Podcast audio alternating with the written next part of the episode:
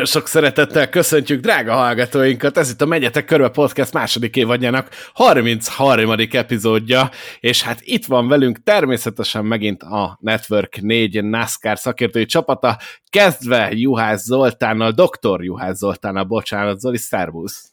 Hello, Boszkó, sziasztok! Itt van Rós András is természetesen, szia Morfi! Hello, sziasztok! És az Eurosporttól Molnár Dávid, szervusz! Hello, sziasztok!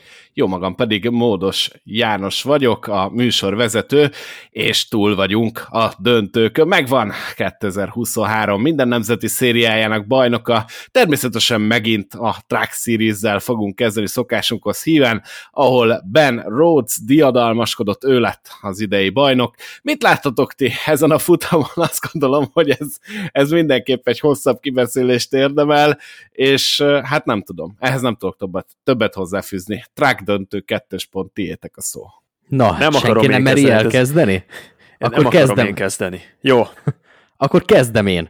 Szerintem egy fantasztikus futamot láttunk. Elképesztő volt maga a verseny, egészen, hát mondjuk úgy az első másfél órája, utána a következő másfél óra, vagy legalábbis annyinak tűnt, amíg az utolsó, hát tulajdonképpen papíron három kört le tudták futni, az már egy kicsit kellemetlen volt. Nekem Kicsit egy... kellemetlen? Ez, egy lesz, nagyon ez, ez lesz a szint, amit belövünk? Ne, várjál, te... Próbáltam egy picit finom lenni, mert mindig az a kritika ér részletekről, hogy én ekézem a dolgok, meg hátba szúrok, meg Mikor? ilyenek. A hátba szúrás a... moda az legit, az van. ez a verseny, ez tökéletesen lemodellezte egy iRacing-es track versenynek a, mondjuk egy ilyen Martinsville vagy Bristol szintű rövid pályákon a történését, annyi kivétellel, hogy itt korlátlan mennyiségű sárga zászló volt, tehát adott esetben fennállt a veszélye annak, hogy az Xfinity futamot nem tudják időben megtartani, mert addig nem fejeződik be a track. Na most az az amatőrizmus, amit sikerült a verseny végén összehozni.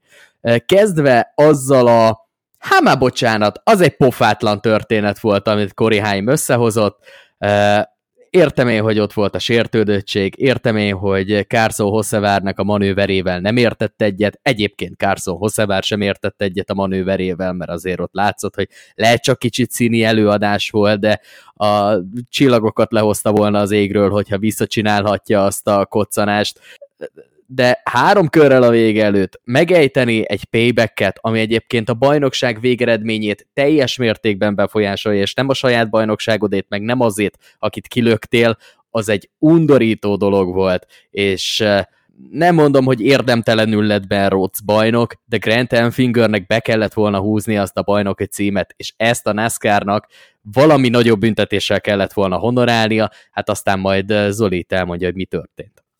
De hogy mondom el, én felejteni szeretnék.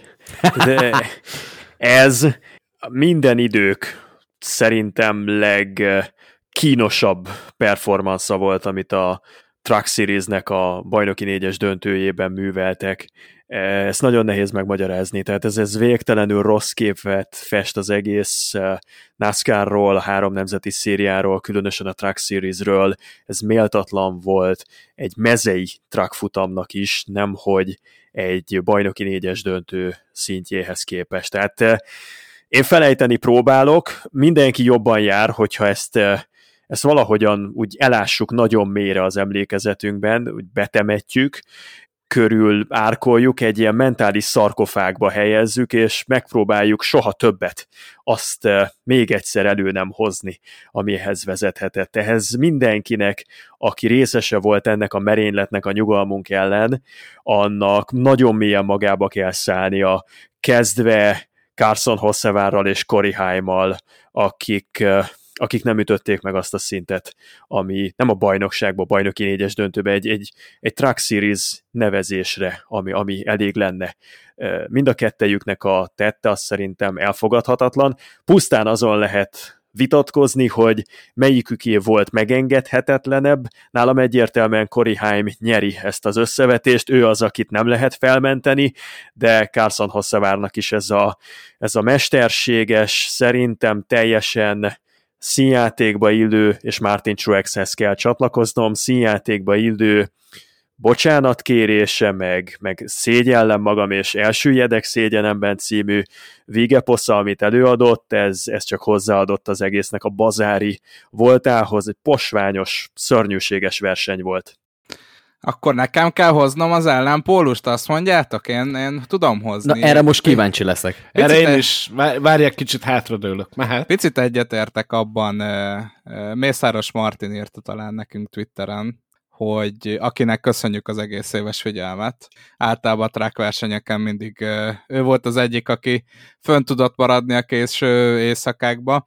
Ő írta, hogy a NASCAR az nem csak a versenyzésről szól, és a sóról.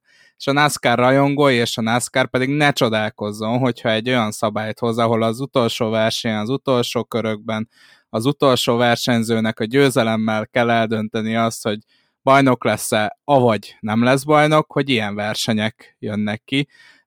Ez számomra tipikusan beleillett a NASCAR jelenlegi szisztémájába, és igazából nem meglepő, hogy a Track Series-ben nem tudták visszafogni magukat a versenyzők. Itt van a legtöbb fiatal versenyző, itt van a legtöbb olyan versenyző, aki akinek produkálnia kell, és vannak olyanok, akik a jövőjükért versenyeznek, és amikor Cory Haimot és Carson Hossevárt hozzuk ki főbűnösnek, azért gondoljunk bele, hogy ők két sárga zászlót okoztak, megértem, és ebben egyetértek, hogy mind a kettőjüknek butaság volt a manővere, Cory Haimé nagyobb vétek volt, mert emiatt Grant Enfinger elveszítette a bajnoki címét, de számomra ez, ez tökéletesen beleillett a NASCAR-nak abba a képébe, hogy egy versenyen kell eldönteni a bajnoki címet, és ebből előbb-utóbb ennek ki kellett jönnie. Tehát egy ilyen finálénak ki kellett jönnie.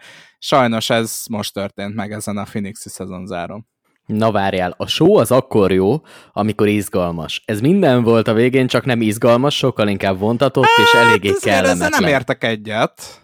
Szerintem paravízgalmas volt, nem volt sok sportértéke, ezt elismerem. Kettő sárga zászlóig én nagyon-nagyon izgultam, utána vakartam a fejem, hogy édes Istenem, Amikor Ben Rhodes sérült, Autóval próbálta meg megtartani a helyét Grant Enfinger, Grant Enfinger ellen az utolsó két körben, az nem volt izgalmas?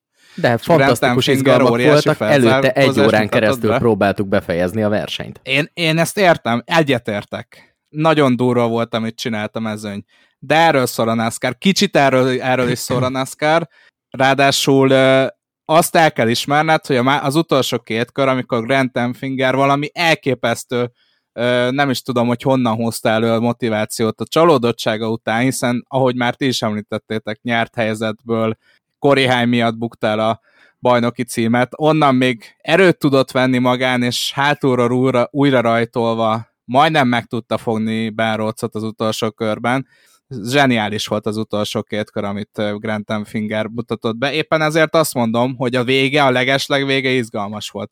Sok sportértéke, hogyha az egészét nézzük a, a, a Track Series döntőnek, akkor nem volt, de azt nem mondhatjuk, hogy nem volt izgalmas. Eleve Enfinger azzal kapta vissza a lehetőségét, hogy még volt két sárga zászló.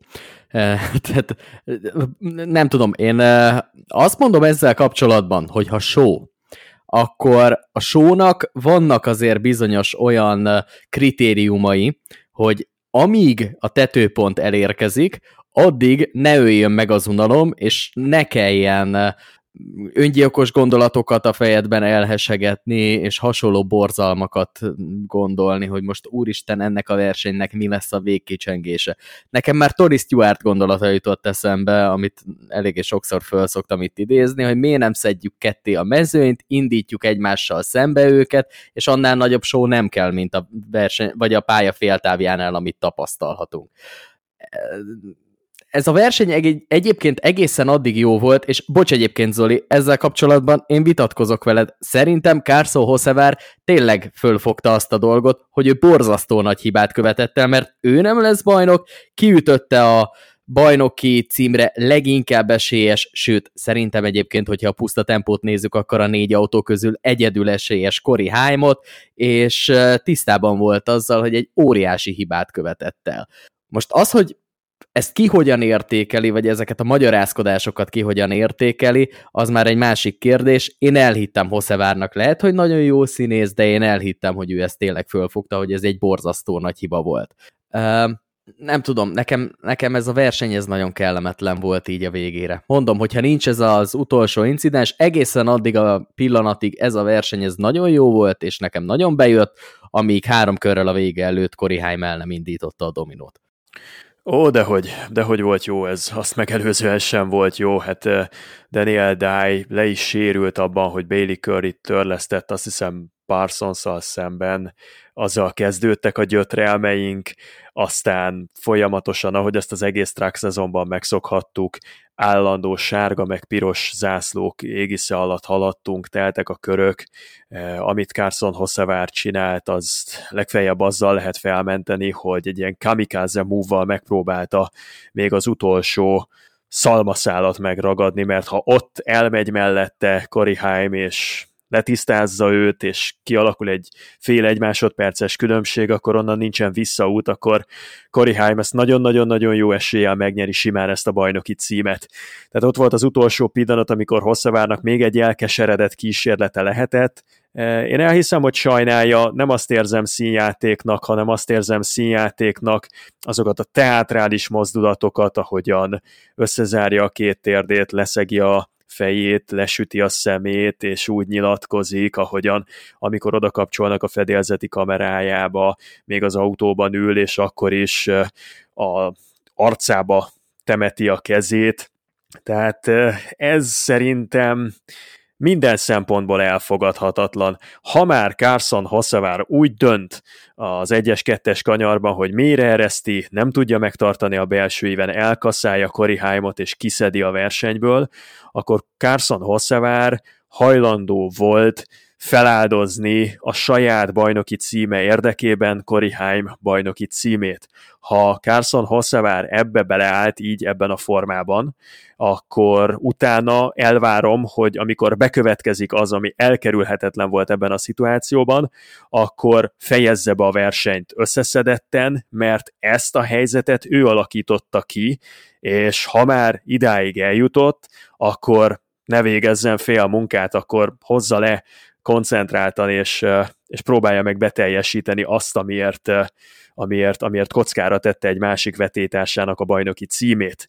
Ő kihátrált ebből az egészből, feladta teljesen szétesett, dekoncentráltá vált, és így most már az egészet nem értem. Mert akkor gyakorlatilag azt lehet mondani, hogy ha Carson Hosszavár ott nem üti ki Haimot, akkor akkor, akkor egyszerűen csak tapadást vesztett a belső íven, megpróbálta, és nem lesz bajnok. Így meg, hogy kiütötte Cory Haimot, így meg összeroskad benne a lelke, és azért nem lesz bajnok. Tehát akkor ezt semmi értelme nem volt bevállalni, mert Carson Hosszevár se így, se úgy nem lehetett bajnok. Akkor mit csinált ezzel az egésszel? Hibázott. Ennyi? Oszkó, jelentkezzel, nekem ennyi a kommentem hozzá. Tehát hibázott Haim, nem a, vagy uh, Carson Hosszevár. Uh, nem akarta kilökni Korihájmot, viszont tudta, hogy keményen kell versenyeznie, és ahogy mondod, ha elmegy Korihájm, akkor onnantól kezdve ő bajnok. Vagy legalábbis Kárszó Hosszevár nem lett volna bajnok, mert ebből a négyesből igazából majd, hogy nem neki volt a legrosszabb tempója. Sőt, szerintem konkrétan neki volt a legrosszabb tempója. Hosszevárnak egyetlen esélye volt, hogyha kemény csatában tudja magát tartani. Valahogy megpróbálta visszaszúrni az autót, és ez lett a vége, egy ütközés, egy baleset. De én ebben egyrészt semmi szándékosságot nem látok, másrészt pedig szerintem ő tökéletesen fölismerte, hogy a balfék volt ennél az incidensnél, és tönkretette az abszolút bajnok esélyes versenyét. Szerintem ez a normális emberi reakció, amikor, amikor tudatosul benned, hogy mekkora iszonyatosan nagy hülyeséget csináltál, és nem az, hogy tartjuk magunkat, hogy hát igen, igen, igen, de ez a NASCAR. Fölteszek egy kérdést neked, Moda, mielőtt Boszkó jelentkezésének hangot adna. Ha iRacingben valaki az első helyről kilök téged, és utána beírja, hogy sorry, akkor mi lenne, mi a véleményed arról a versenyzőről? Semmi, hát attól még ugyanúgy balfék volt. Nem ez a kérdés, hogy Carson Hosszevár büntetést érdemele, mert egyébként szerintem nagyon jó lenne, pont emiatt a verseny miatt, és tökéletes bizonyítéka volt ez a verseny annak, hogy kéne valamiféle szankciórendszer a NASCAR-ba. Tehát nem az a kérdés, hogy Carson Hosszevár itt hibázott, vagy nem hibázott, mert abszolút, tehát ekkora marhaságot nem lehet elkövetni. De és, és persze, Koriheimnak nem lesz ettől jobb, hogy most ő rosszul érezte magát, meg tudja, hogy mekkorát hibázott. Tehát ettől függetlenül ilyen dolgok benne vannak, ez versenyzés, és, és hogyha józan észsel végig gondolod a dolgot, hogyha ezt szándékosan szerette volna megcsinálni, vagy bármi e, volt Hosszevár manőverében, így, ha valakit kilöksz, biztos lehetsz benne, hogy, hogy az gyanús, és vissza fogod kapni. Hogyha már kilököd, akkor legalább úgy lökt ki, hogy be kelljen fejezni a versenyt, és összetöri a kocsit, vagy hogyha meg nem akarod kilökni, akkor meg egy kicsit közelebb próbálkozva az autó középvonalát legalább eltalálod, és arrébb lököd. Tehát hogy e-, ebben semmi, semmi logikus dolog nem volt egész egyszerűen egy, egy nem tudom, pillanatnyi elmezavar, egy, egy teljesen amatőr manőver, de hát ilyet láttunk. Én egy nagyon mély témát fogok ebből indítani, és ezért is vártam ki, hogy ezt így kibeszéljétek. Nem érzitek azt, hogy 2023-ban a NASCAR-ban ciki lenni? Mert én egyre inkább azt érzem, hogy ez, ez így van, és arra tendál a sport, hogy az ilyen manővereket azt, azt gyakorlatilag a mezőny szeretné alapvetően elfelejteni, és tudjátok, hogy mire hasonlított ez a Hosszavár move nekem a legjobban? Emlékeztek, amikor Tyler Reddick az első győzelmért ment, és érkezett Chase Briscoe teljesen lehetetlen helyzetből, és ugyanígy bevetődött mellé alul?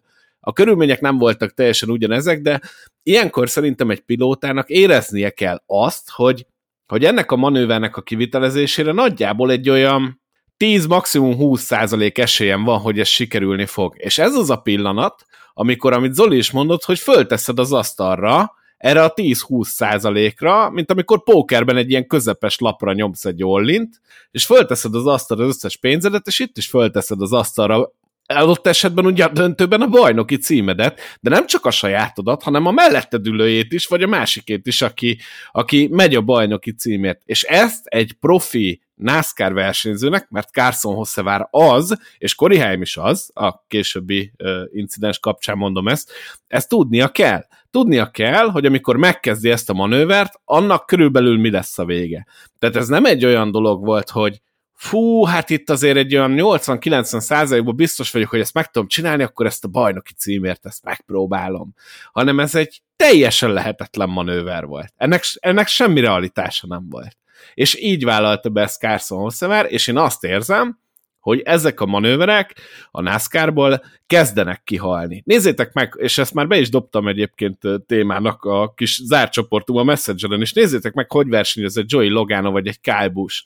Hát a Logano-nak a, a tájgépszes ütközésre egy hétig beszéltek. Hát régen ez egy sima vasárnap délután volt gyerekek. Tehát, hogy annyira visszavett ilyen szempontból mindenki, hogy, hogy a régi, mondjuk 20 évvel ezelőtti manőverekhez képest a legkisebb koccanásról is már úgy beszélgetünk, hogy úristen. És akkor ekkor jön egy Carson Hosszever, és bepróbál egy ilyet. Erre szerintem semmi logikus magyarázat nincs, ez egy brain fart volt, csak ez meg itt egy bajnoki döntő, és aki szeretne bajnok lenni, de tovább megyek, aki szeretne épkézláb karriert csinálni magának a NASCAR-ban, már pedig amennyire én tudom, Carson Hosszever éppen ezen ügyködik, annak ezt igenis mérlegelnie kell, és maximális tiszteletlenségnek tartom Kori Heimel szemben ezt a manővert, amit Carson Hosszavar megpróbált kivitelezni. Ti nem gondoljátok azt, hogy ezeknek már nincs itt a helye? Nagyon sok mindent feltettetek az asztalra. Én úgy gondolom, hogy sokkal rosszabb a helyzet most, mint 20 évvel ezelőtt volt. Én azt gondolom, hogy sokkal rosszabb a versenyzői etikett, és úgy nagy általánosságban a mezőnek a moralitása, mint volt 20 évvel ezelőtt. 20 évvel ezelőtt a halál és annak a nagyon közeli veszélye azért ott lengedezett a pályák környékén. Nem érezték azt a versenyzők, hogy bárki is sebezhetetlen vagy halhatatlan lenne. Manapság én úgy látom, hogy azért is enged meg magának mindenki sokkal többet, a veteránokat is ideértve, az újoncokat, meg aztán nem is beszélve, hogy hogy, hogy, hogy azt gondolják, hogy mindenki örökké fog élni, és soha nem történhet semmi baj. Danny Hamlinnek a sérülése, a hát törése, az az utolsó olyan emlékem, de javítsatok ki, ha tévedek, amikor egy kvázi szándékos kilökés személyi sérülést eredményezett. Az összes többi sérüléssel járó baleset, az vagy műszaki hibára, vagy big vanokra, vagy ilyen elkerülhetetlen a véletlenek összejátszására volt visszavezethető. De az, hogy valaki mást szándékosan, vagy ilyen hanyaggondatlansággal kihajítson, az nagyon régen torkollott utoljára komolyabb sérülésbe. És pont amiatt, mert ezek eléggé távoli emlékek már több minden elfogadottá vált, úgyhogy szerintem sokkal rosszabb a helyzet, mint volt 20 évvel ezelőtt. Amit Dávid mondott, hogy Carson Hosszavár nem szándékosan lökte ki, nem is állítottuk, hogy szándékosan lökte ki Cory. Én azt gondolom, hogy ez egy ilyen súlyosan gondatlan move volt, amikor, amikor tehát gyakorlatilag ő, ő, ő annyira biztos volt abban, hogy képes lesz a rosszabbul beállított autóval, a rosszabbul menedzselt gumikkal majd ott a belső íven elfordulni Koriheim mellett, hogy fel nem merült Carson Hosszevárban az, hogy ő tönkre fogja tenni Koriheimnak a versenyét. De pont ez a legnagyobb vétek az egészben, hogy nem merült fel benne, mert tudjátok, az én szememben ennek az egész bajnoki négyes döntőnek a működése, a szisztémának az integritása, az akkor ér valamit, ha a szereplők tiszteletben tartják ennek az íratlan szabályait. És ennek az íratlan szabálya az, ami tökéletesen bebizonyosodott az Xfinity futamon, és tökéletesen bebizonyosodott a Cup futamon.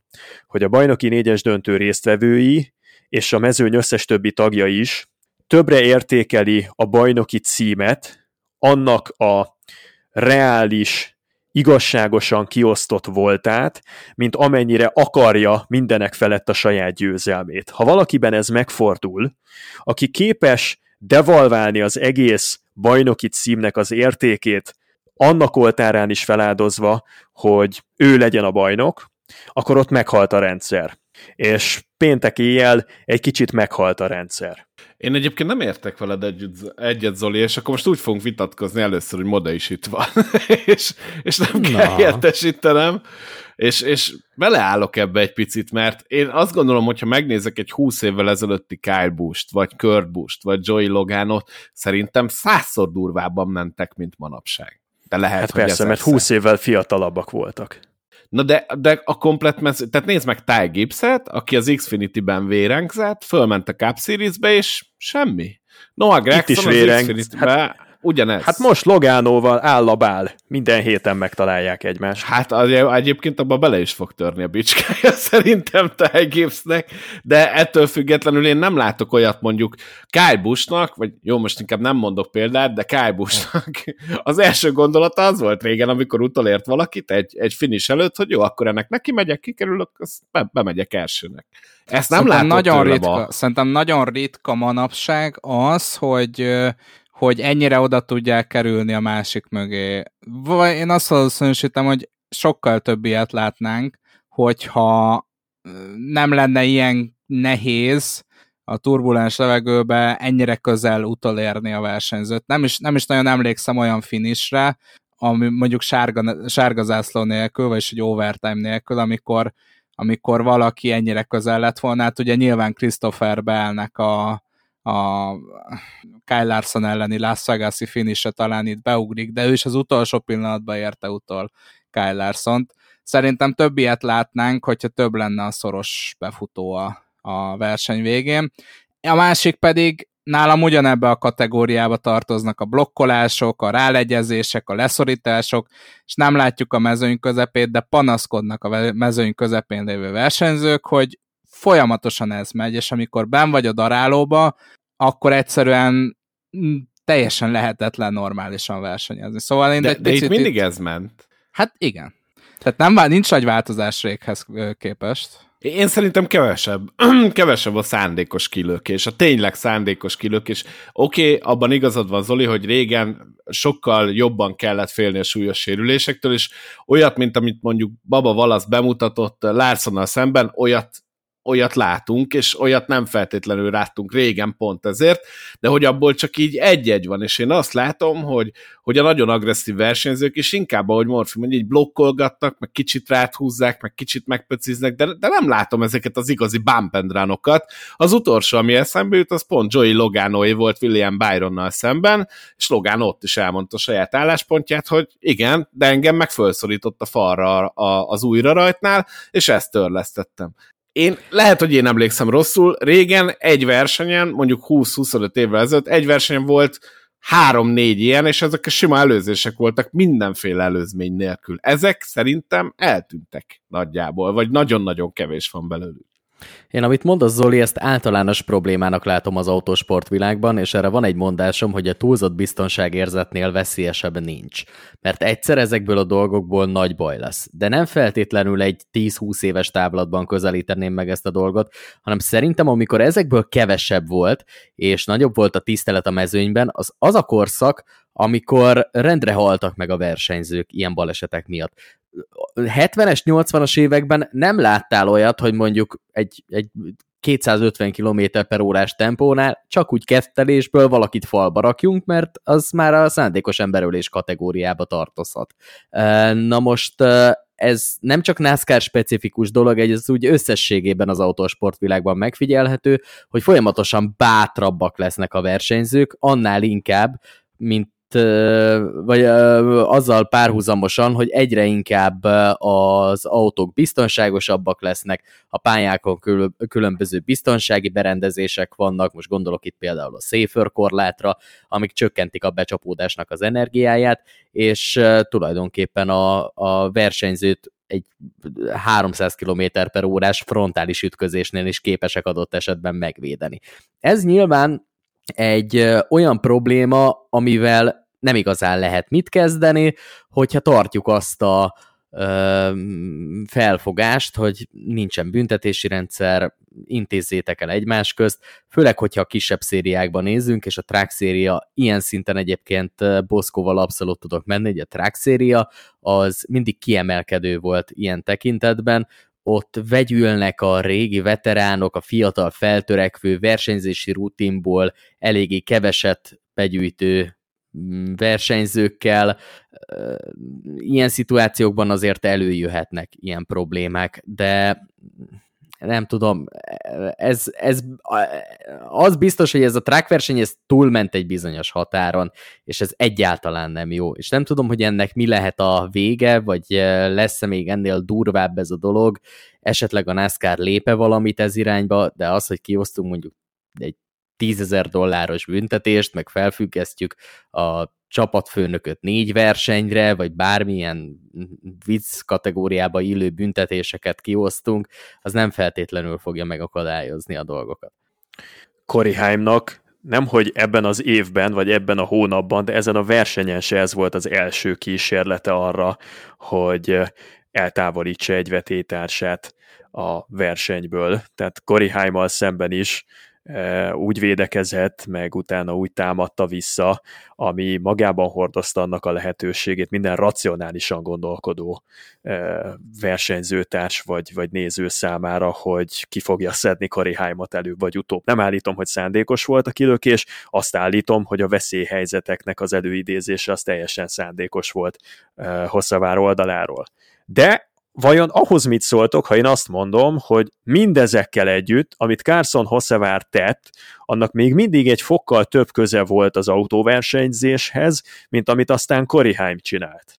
Mert Abszolút. hogy itt, itt azért mondjuk el, hogy itt most Zoli arra gondolt, hogy amikor már majdnem leintették a futamot, ugye három körrel voltunk azt hiszem a vége előtt, és uh, hát úgy nézett ki, hogy hogy megvan a bajnokunk, akkor Carson Hosszavár utolérte Cory Heimat, aki megpróbálta külső éven megelőzni, Cory Heim pedig ekkor úgy döntött, hogy innen egyik őjük se fog távozni, és teljesen szándékosan, tehát ezt, ezt nem lehet kibeszélni, teljesen szándékosan odaszorította a falhoz Carson Hosszavárt, majd utána fapofával lenyilatkozta Cory Heim egyébként, hogy ja nem, ez, ez, ez nem volt szándékos, hanem ott, ott, ott megcsúsztam. Úgyhogy, Na jó, de ez már a NASCAR hibája. Oké, okay, én ezt értem, ez... igen, Danny Hamlin podcastja óta tudjuk, hogyha bevallott, hogy ez szándékos volt, Igen. akkor megbüntetnek, ez, ez teljesen nyilvánvaló. Egyrészt ez az irány nekem nem tetszik, de ezt már, ezt már sokszor kibeszéltük. Másrészt pedig, nem tudom, láttátok-e azt a képet, amikor már a folyosó jönnek vissza a pilóták, és Grant Enfinger találkozik Cory Heimmel, és így egész egyszerűen csak ránéz. Na abban a nézésben abba, abba benne van az, hogy köszöcsi. Ez olyan, mintha a focipályán fölrúgnál valakit a büntető területen belül, majd oda mennél a bíróhoz, és közölnéd vele, hogy ez nem volt szabálytalan. Ja, jó, bocs, akkor, akkor minden vissza. Tehát igen, ez egy picit olyan, olyan fura történet, és igazából ezen a versenyen én ezen vagyok a legjobban kiakadva, hogy Cory Haim ahelyett, hogy azt választotta volna, hogy nem befolyásolja ezt az egész döntőt egy, egy olyan manőverrel, amihez ott abban a pillanatban már semmi köze nem volt a versenyhez. Azt választhatta volna, vagy lett volna egy olyan opciója is, hogy nyugisan bemennek a célba, majd utána kiszáll az autóból, oda megy Carson Hossevárhoz, az jó megveri. Mondom ezt úgy, hogy én abszolút nem vagyok Ez az erőszaknak a... abszolút nem vagyok az erőszaknak a pártján, de ha már a kettő közül kell választani, akkor a, ezt a szituációt inkább így kellett volna elintézni, semmint úgy, hogy fogjuk, oda megyünk, kilökjük a pályán, és ezzel teljes mértékben átírjuk a bajnoki finálét. Ez, ez egy, ez egy patkánymanőver volt már, bocsánat a kifejezésért, de ilyet nem szabad megejteni. És az, hogy a NASCAR ezt jutalmazta egy olyan büntetéssel, mint hogyha én azt mondanám, hogy jó, oké, okay, elloptál egy autót a parkolóból, kapsz a jogsidra öt büntetőpontot. Hát ez egy kicsit olyan, aha, tehát megint kapta, kaptam is büntetést, meg nem is. Tehát ezt így el kéne már dönteni, hogy akkor melyik irányba megyünk el, hogy lehet befolyásolni a verseny eredményét, vagy nem lehet befolyásolni a verseny eredményét. Amikor már nem vagy benne a, a harcban, és egy, hát mondjuk el őszintén, szándékosan sárga zászlót okozott. Ezt annak idején 2013-ban a Michael Waltrip Racing megszűnésével jutalmazták. Mennyivel volt ez másabb szituáció, mint az, amikor azt hiszem Clint Boyer megvakarta a kezét?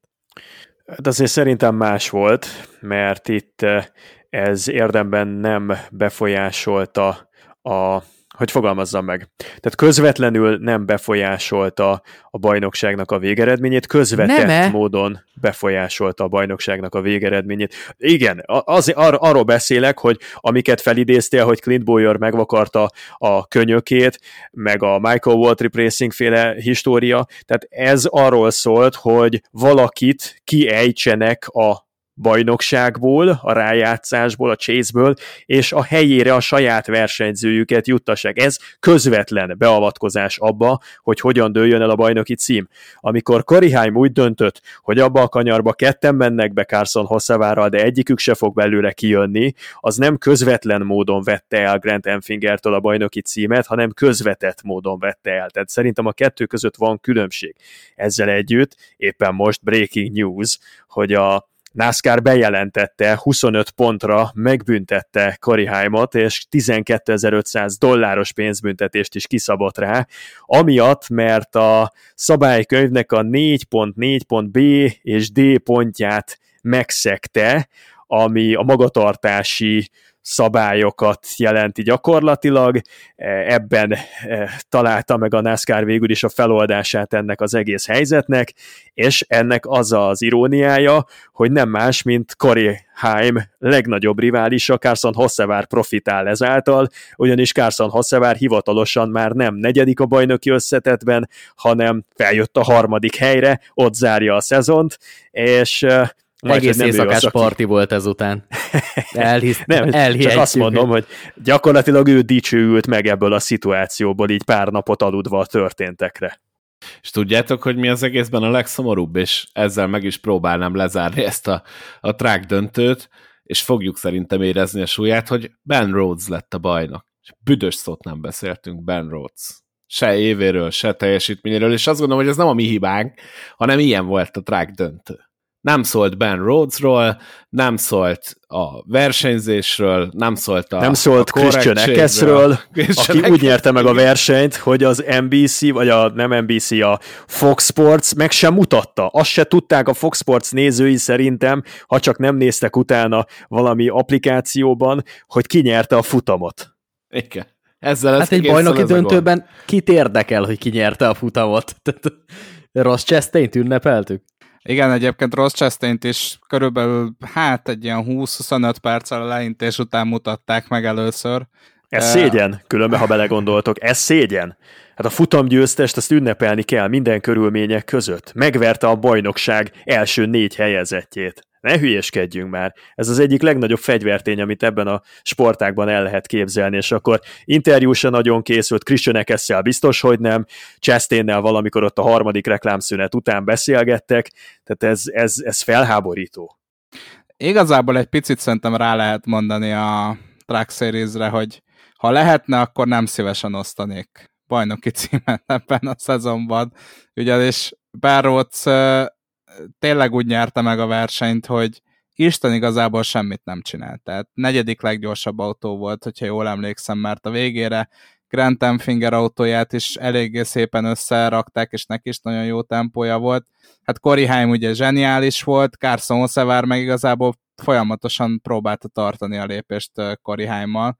Barrowt egy szép csendes futamot hozott, és ez, lesz, ez lett a, az igazán kifizetődő taktika. Most mondanám, hogy igazán veterán move volt, hogy ennyi, így hogy ment, nem de, semmit. de, de, de nem, nem tudom, hogy mit tudott volna másképp, másképp csinálni. Úgyhogy uh, igen, Bánróca, Bánróca bajnok, de azért azt hozzá kell tenni, hogy nem lehet olyan magasságokba beszélni az ő bajnoki címéről, mint uh, Colcaster és, uh, és Ryan Blaney bajnoki címéről. És ha már ilyen szépen átkötötted, akkor ugorjunk is azt gondolom az Xfinity-re, ahol egy sokkal szebb versenyt láthattunk. Megmondom őszintén, szerintem egy kifejezetten jó versenyt láthattunk, ahol tisztelték egymást a bajnoki döntősök, ahol a mezőny is tisztában volt azzal, hogy kik azok, akik a bajnoki címért mennek, és szerintem eszeveszett jó futamot futottak Phoenixben, de nem akarok elfogult lenni, beszélgessetek ti róla egy picit. Egyetértek, számomra az Xfinity döntő volt a, az igazi keresztmetszet, tehát a, a show elemek is megvoltak, ami a Track Series-ben ugye túl, túl volt zsúfolva, izgalmas is volt a vége, öm, folyamatosan ment az előzgetés, és annyira közel volt egymáshoz igazából minden négy pilótának a tempója, hogy megtippelni sem lehetett, hogy ki lesz a bajnok egészen a végéig aztán Colcaster zsenialitása ö, helyrehozta azt a hibát, hogy egy rossz szívet választott, úgyhogy ö, az, újra, az utolsó újra rajtnál, úgyhogy megmondom őszintén, hogy lehet, hogy azért, mert ez volt az a verseny, amit kicsit kívülről tudtam itt élvezni a, és nézni a, a hétvége folyamán, de nekem az Xfinity-nek a versenye volt a kedvencem felhívnám a hallgatók figyelmet, hogy nem én mondtam. Én most kicsit úgy érzem magam, mint egy büszke apuka, én így hátra vagyok dőlve, és hallgatom, hogy ti miket mondtok erről a döntőről. Engem meglepett, hogy Andris azt mondta, hogy Colcaster rosszul választott ívet. Most az utolsó újraindításra gondolsz, és arra, hogy a külső igen, szavazott? Igen, igen, igen, igen. De miért választott nem szerinted ott Nem rossz értettük. Ívet? Itt beszélgettünk, ugye közösen néztük a döntőt, és nem igazán értettük a felső éves választását, mert egész este folyamán tehát jól kell, el, sokkal jobban kell elkapnod a rajtot a külső íven, hogy megtartsd az előnyödet. Egy tökéletes rajtot kell venned. A belső éven viszont mindig van esélyed, hogy egy picit rövidebbre szabda, szabda az utadat, és helyzeti előnybe kerülj egy esetleges felcsúszással is, amit ott a végén megpróbáltak páran, és azt hiszem, hát talán Szemmélyernek lett ez a veszte, hogy ott felcsúsztak páran? Vagy nem, németseknek. Meg John Hunter németseknek leginkább. Igen, igen, igen. igen és Justin de... Allgaier volt, aki, aki rácsúszott. De ha meghallgatjátok például a Door Bumper Clear című podcastnek, a Spotterek podcastjének a finálé utáni epizódját, annak a vendége Cole Custer. És Cole Custer elmondja azt, hogy ő úgy érezte, és azt latolgatták a rádión, hogy egész estét tekintve a két ív nagyjából hasonlóan teljesített az újraindításoknál, és mivel a műgyanta kezdett megérkezni a játékba, ő amiatt választott a külső ívre, mert a saját autóját úgy, hogy aktiválódott a műgyanta, ott érezte favoritnak. És mivel én azt a közvetítésben is mondtam, és mind a mai napig tartom, hogy a többiek, elsősorban Justin Allgaier és Nimacek, túltolták a kanyarnak a bemenetét az 1-2-es kanyarban, ezért Colcaster, aki akinek talán rosszabbul sikerült az újraindítása, talán nem gyűjtött akkor a lendületet, de pont ezért a kanyarnak a középpontjától borzasztó magabiztosan tudott ráállni a gázpedálra, ő ott a legjobb lélekjelenlétről tette tanúbizonyságot négyük közül.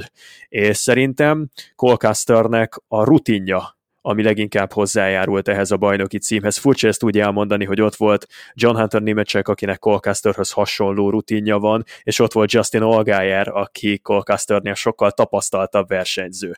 De ezekben az újraindításokban azt hiszem, hogy Custernél kevés tapasztaltabb versenyző van, és kevés jobb versenyző van. Az egyetlen kupasorozatos futamgyőzelmét is hasonló szituációban aratta egy utolsó kétkörös hajrában 2020 Kentucky-ban.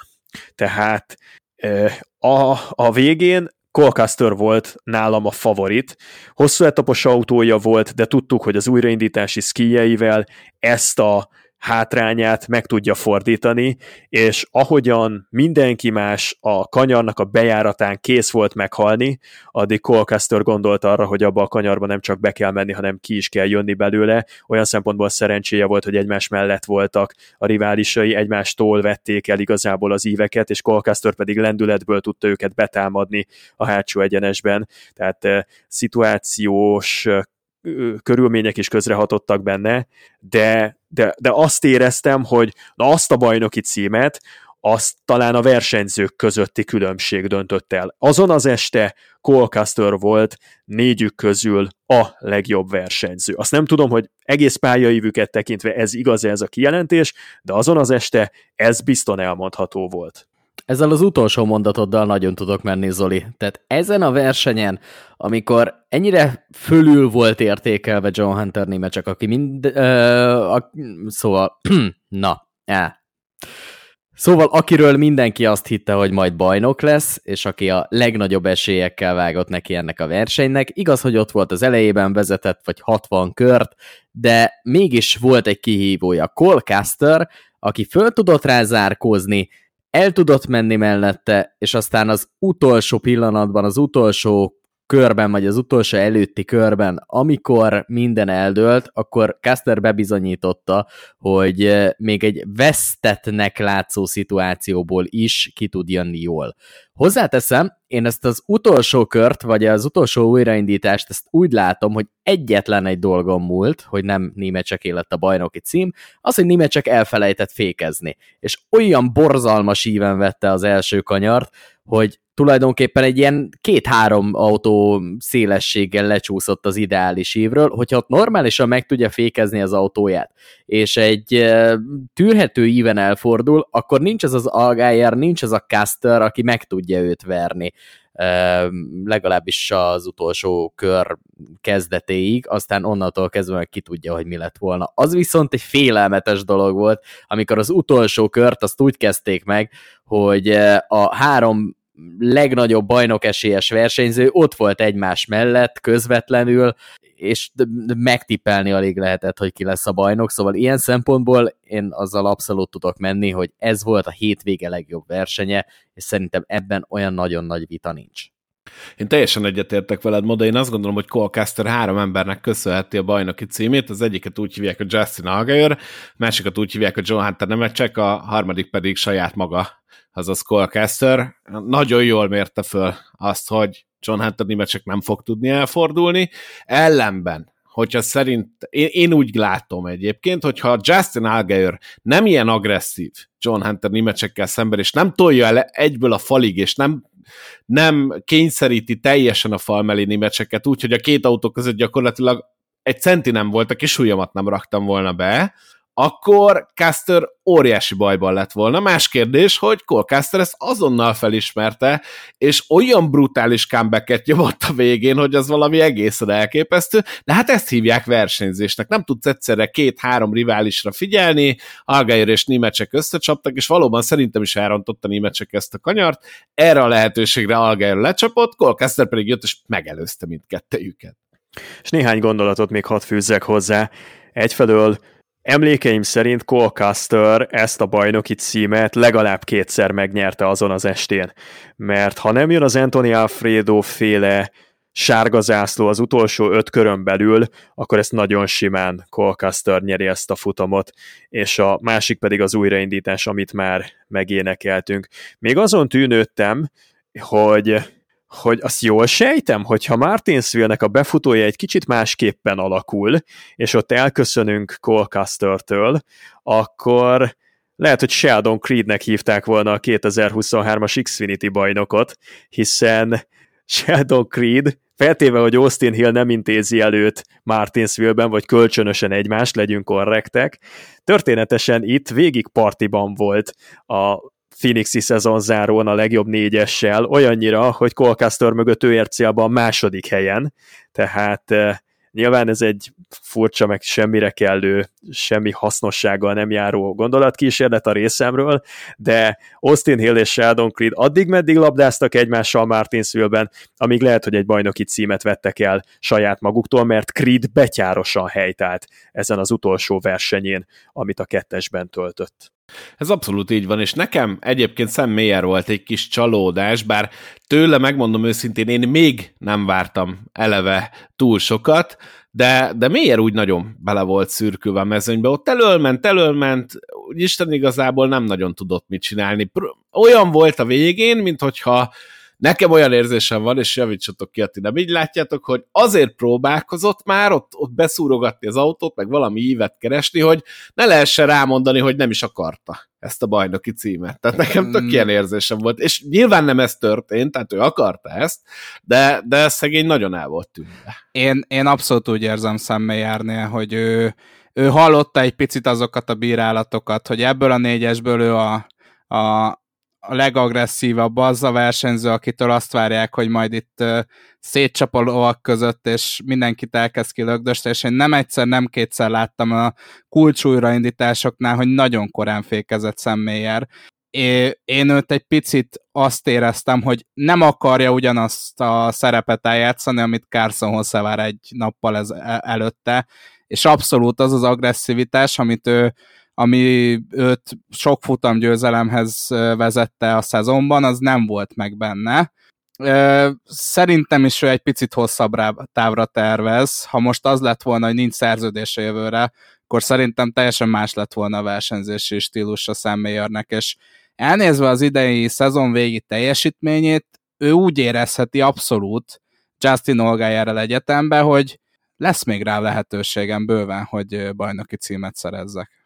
Tulajdonképpen, ha a jövőbe akarunk tekinteni, akkor a 2024-es évvel sem lesz olyan nagy probléma, mert ezek a párharcok nagy részt folytatódni fognak, másrészt pedig ott van még azért a Pixisben, vagy ott lehet egy Riley Herbst is, úgyhogy szerintem az Xfinity széria az most hozott egy nagyon jó szezont, hozott egy nagyon jó bajnoki finálét, de hogy 2024-ben mi lesz, ez szerintem még inkább csak fölfelé mennek majd az izgalmak és erősödnek. A Sheldon Creed féle második helyről jutott eszembe, hogy Richard Childress azt mondta, hogy ilyen hülye versenyzője még soha nem volt. Egy South Park epizód jutott eszembe, hogy a NASCAR a hülye és csóró emberek sportja. Hát lehet, hogy van benne valami. Danika Patricknek nagyon tetszett az a rész, én azt hallottam.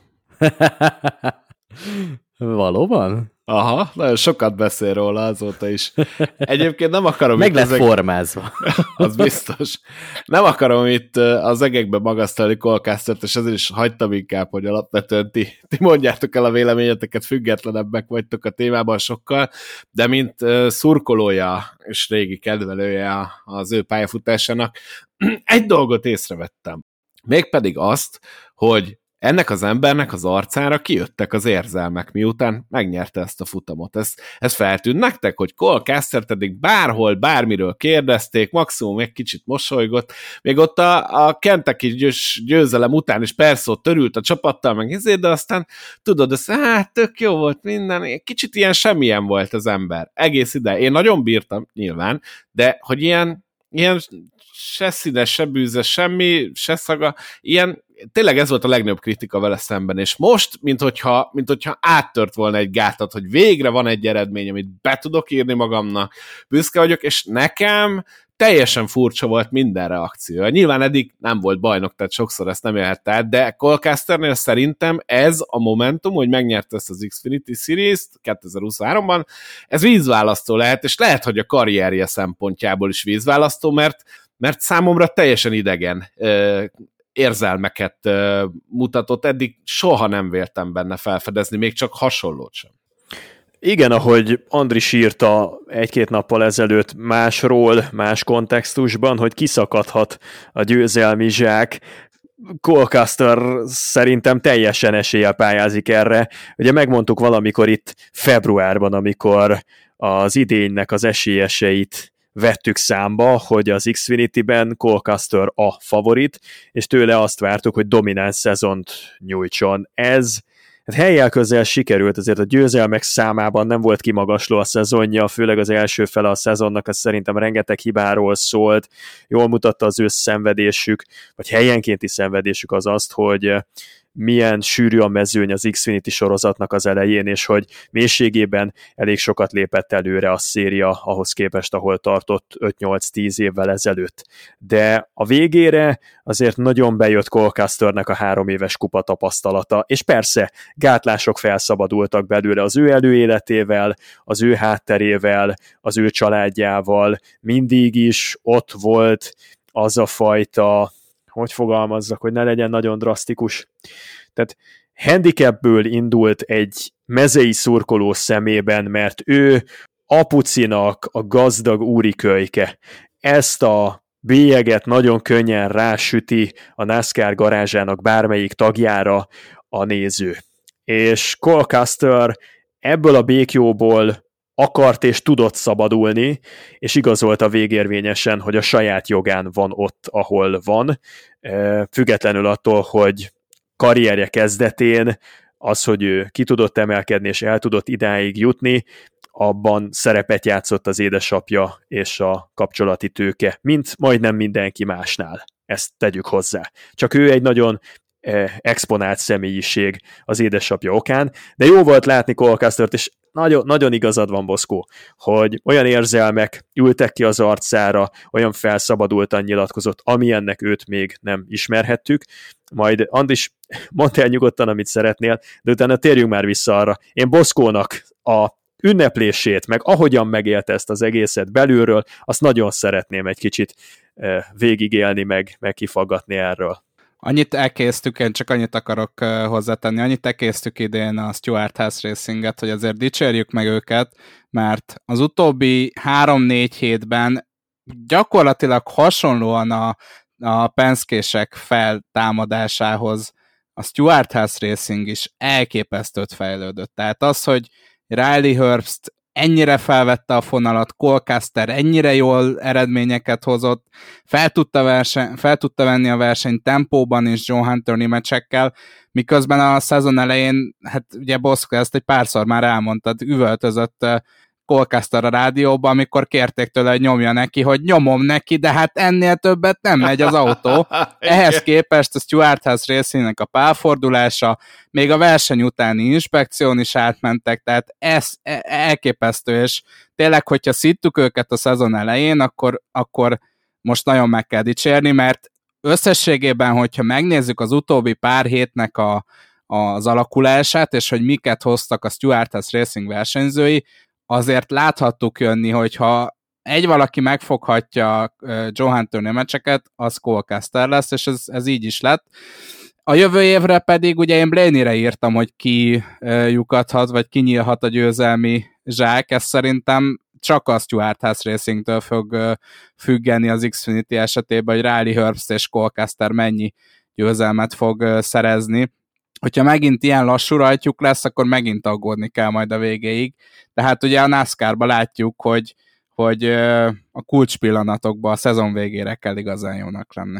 Ja, ez abszolút így van. Nagyon sok vicces rádiózása van Colcasternek egyébként. Itt már évközben megmutatta valamelyest, hogy hogyha sikerül valamit összehozni évvégén, akkor lehet, hogy ő más emberként fog visszatérni 2024-re. Elképesztően frusztrált volt, én ugye rengeteget hallgattam az ő rádióját, meg hogy mit beszélgetnek a Crucifével, és, és tényleg voltak ilyenek, hogy rászóltak a fülére, hogy Cole nyomd a gázt, és ordítva, Colcaster ordítva, mondom még egyszer, rá nem jellemző módon azt mondta, hogy srácok, le van nyomva padlóig. Ha tudjátok, hogy hogyan kell tovább, szóljatok, mert ez ennyit megy. És akkor erre igazából ilyen rádiócsend jött válasznak, és mondta utána, hogy na ugye.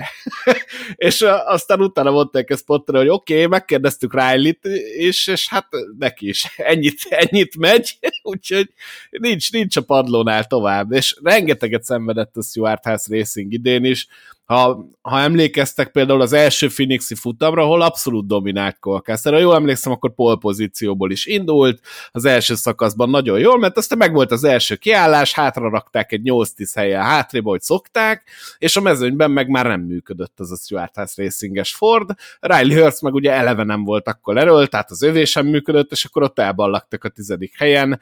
Ugyanígy az Autoclub Speedway-en is baromi gyors volt, tehát hogy, hogy idén is ugyanaz történt Colcaster, mint ami egyébként a kupasorozatban is, hogy összességében nem lett volna neki jó éve, de ott volt az a pár futam, ami kiemelkedő lehetett volna, csak aztán mindig jött egy, egy rossz szerelés, egy elgurult kerék, egy fölrobbant motor, egy mindig a jó futamain, és ebben a szezonban is mindig a jó futamain egészen a végéig, ahol viszont össze tudtak rakni neki, hát szerintem egy ilyen 10-12 versenyt, és onnantól bombaerősen teljesített is. Én mindig szoktam mondani, hogy nagyon sokat számít, hogy melyik csapatban versenyzel és milyen autóval. A Stuart House Racing az évnek a második felének a második felét tudta összerakni, és ez elég volt a bajnoki címhez. Ettől függetlenül azt gondolom, hogy le a kalappal John Hunter némecsek előtt, és szerintem egy, egy bomba jó formában lévő John Hunter némecsek fog megérkezni jövőre a Cup Series-be teljesen megérdemelten, úgyhogy Justin Allgaier nyilván az Xfinity veteránja marad, és hát Sam Mayertől pedig várok 2024-ben egy erősebb évet, és maxi respect, hogy, hogy tényleg nem csinálta meg a, a, a komolyabb agyhalott manővereit, ami esetleg megfordulhatott volna a fejében, hanem hanem inkább megpróbálta kihozni a maximumot szépen csendben. Az pedig nem volt sok, de azt gondolom, hogy a jövő nagy bajnoka lehető is. Úgyhogy, ha nem tudtok többet hozzáfűzni... Na de vár, várjál, várjál, Igen? hát akkor az ünneplés Na. pillanatai. Tehát én akarom, akarom egy kicsit látni azt, hogy hogyan élted meg mondjuk az utolsó újraindítást, vagy az Anthony Alfredo féle sárga zászlót, és utána, amikor sikerült valahogyan kidrukkolni azt a bajnoki címet, akkor mi, mi volt a reakciód, ha még emlékszel?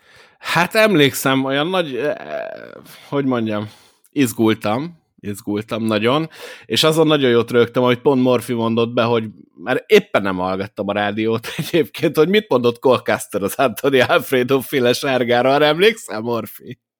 Amikor kiderült, hogy ki okozta. Igen, igen, hát most nem szeretném bemondani. Én bemondom, azt mondta Cole Caster, Anthony Alfredo, hogy fucking clown. Ez volt, ugye? Szóval igen, de utána ugye kiderült, hogy ugye Alfredot is elpusztította valaki, szóval nem Alfredo magát. Igen, igen. Csak de... hát nyilván első felindulásából. Igen, de ez, ezt is azért akartam elmondani, hogy, hogy Colcaster-től ilyeneket nem hallottál korábban. Tehát, hogy itt már készült valami, ő fejben nagyon összeszedte magát, és hát az utolsó újra rajtál úgy voltam vele, hogy ez ennyi, hát ez nem lesz innen meg. És megint azt láttam, hogy, hogy a semmiből visszajött, hát nyilván örültem, meg ordítottam egy kicsit, meg Hát nem akarok most itt én megmondtam azni, mert, mert nagyon sokáig ti is úgy beszéltetek Casterről, mint akiben igazából nincs ott semmi, egy közepes versenyzőnek van titulálva, annál szerintem jobb. Nyilván nem korszakos tehetség, ezt látom én is, meg szerintem tudja ő is magáról, de vannak azért későn élő típusok, és az, hogy Casternek végre lett egy bizonyítható jó eredménye, ez viszont végig benne volt. Vég, én végig láttam benne ezt, ahogy mondjuk látom Chris Busherben is, és bizonyította is idén, ezzel a három futamgyőzelemmel én azt gondolom, hogy, hogy elégedett lehet Chris Busher, úgyhogy én annak örültem inkább, hogy, hogy picit ezek a negatív hangok, meg ezek tényleg ezek a silver spoonos lehúzások, hogy ő neki minden oda van téve, meg mit tudom, hát könyörgöm, szerintetek egy Chase Elliot nem ö, most ez nem nektek szól nyilván, de hogy nem egy, egy vörös szőnyegen sétált be a NASCAR világába? Tehát egy Chase Elliottnak nehezebb dolga volt bármivel, mint egy Colcasternek, vagy egy Austin Dillonnak, de szerintem sorolhatnám a kupás mezőny háromnegyedét, mert autosportba kezdeni igenis akkor tudsz az esetek nagy többségében, ha kőgazdag családból származol. Tehát én most kitalálnám, hogy autóversenyző legyek úgy, hogy felnőtt férfi ember vagyok, és dolgozom most már több mint 15 éve, én nem tudnám megtenni, hogy egy Suzuki kupába úgy elinduljak, hogy nekem az a pénz ne hiányozzon. Te ilyen szempontból én ezt a dolgot sosem értettem.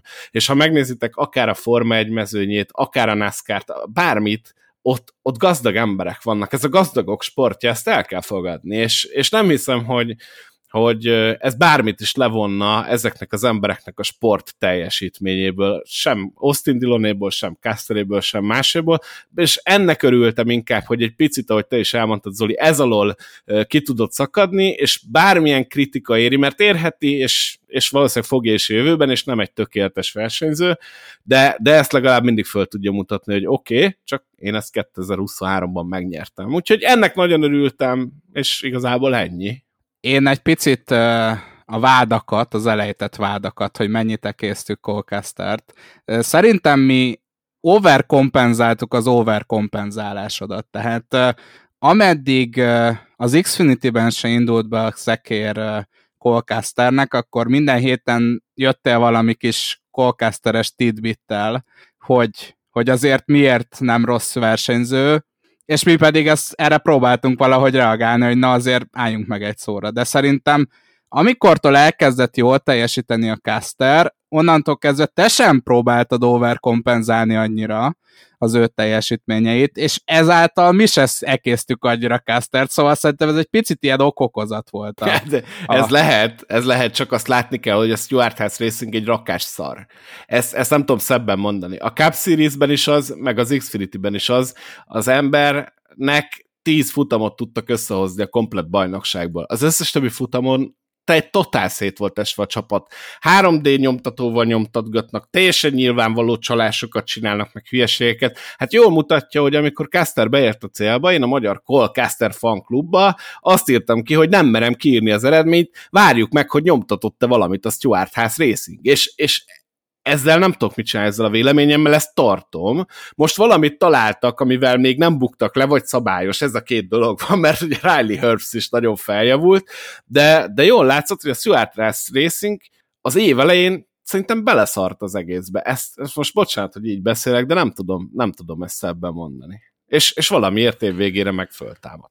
Colcastert helyén kezeltük, én azt hiszem, megmondtuk februárban, hogy ő fogja nyerni a bajnokságot, megnyerte.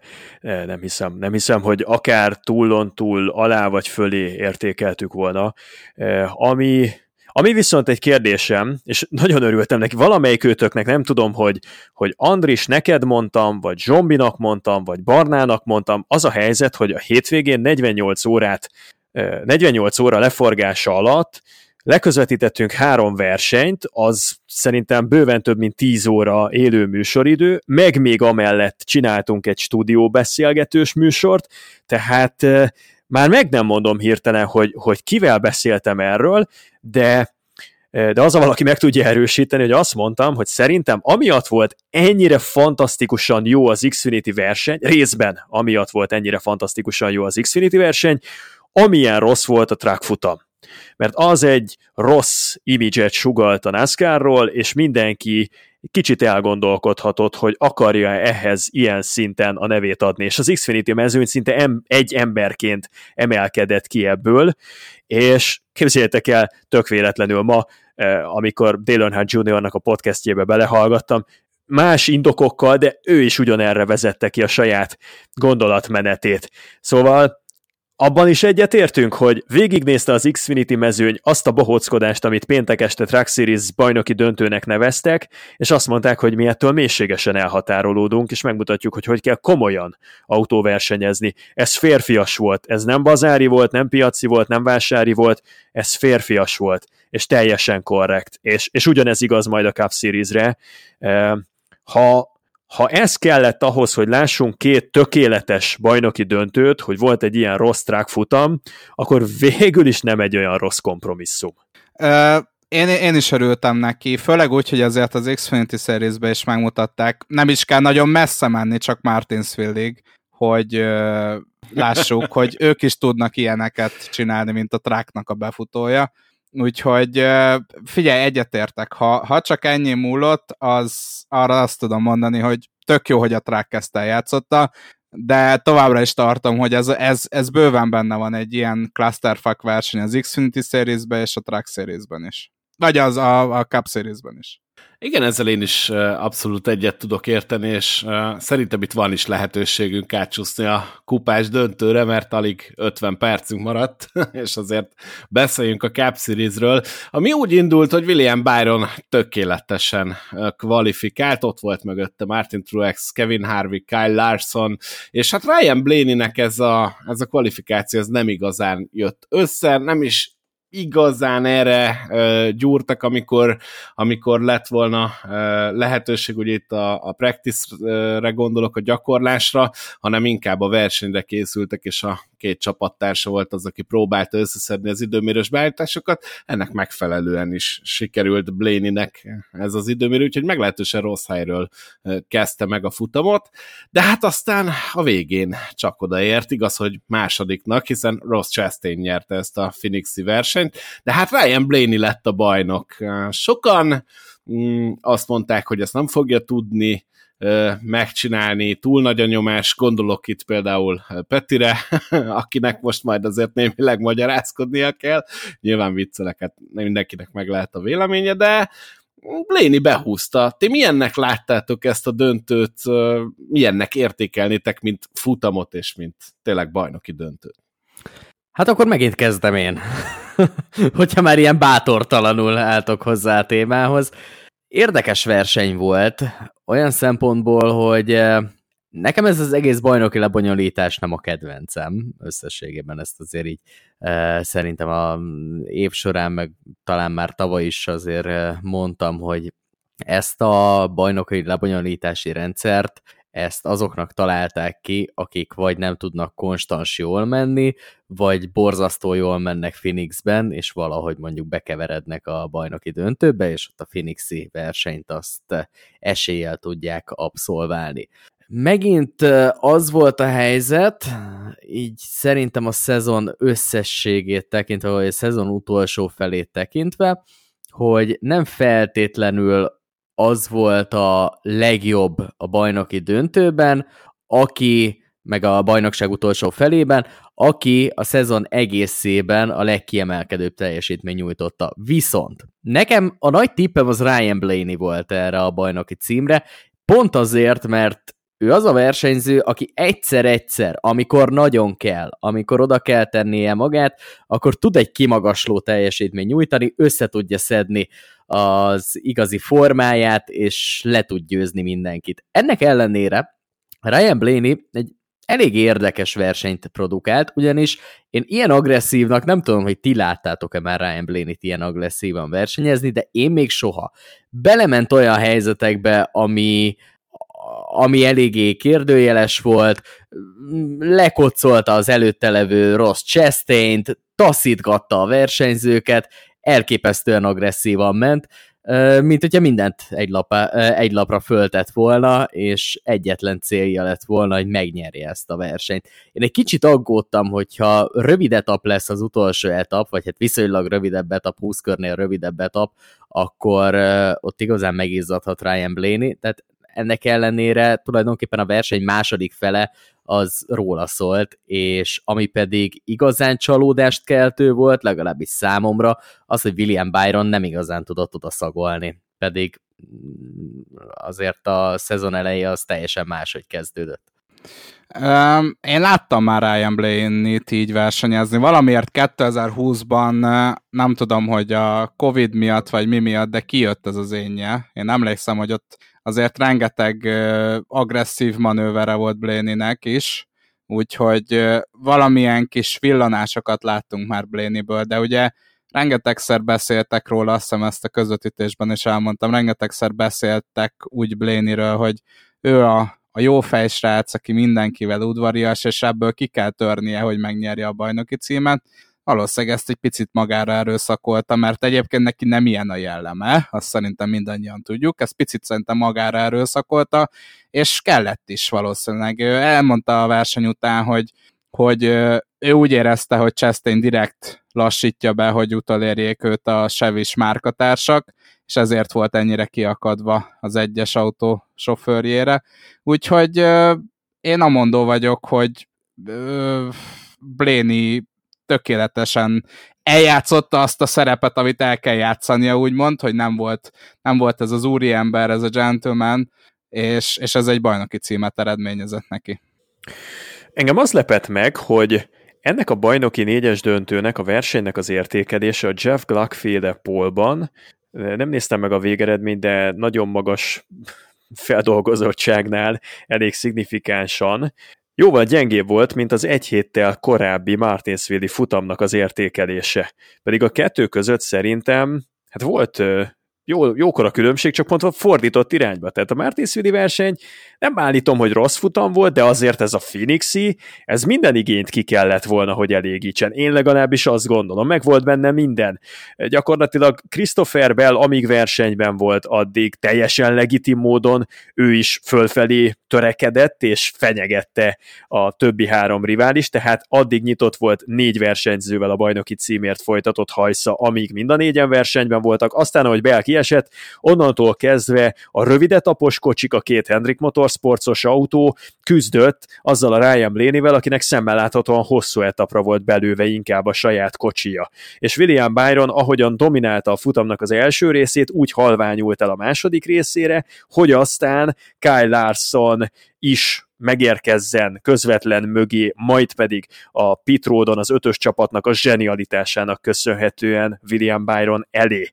És akkor Ryan Blaney érre állt, nagyszerű versenyzéssel, hibátlanul, konfrontálódott Ross Chastain-nel, amiből azt gondoltuk, hogy nem nagyon jöhet ki győztesen senki, és a végén hazahozta nekem tökéletesen megkoreografált, minden igényt kielégítő döntőnek hatott ez a Phoenixi négyes döntő, és ehhez képest tényleg lehúzták, valószínű több mint 10%-kal végül kikapott az egy héttel korábbi Martinsville kupa futamtól, ami számomra döbbenetes, így mindent egybevetve.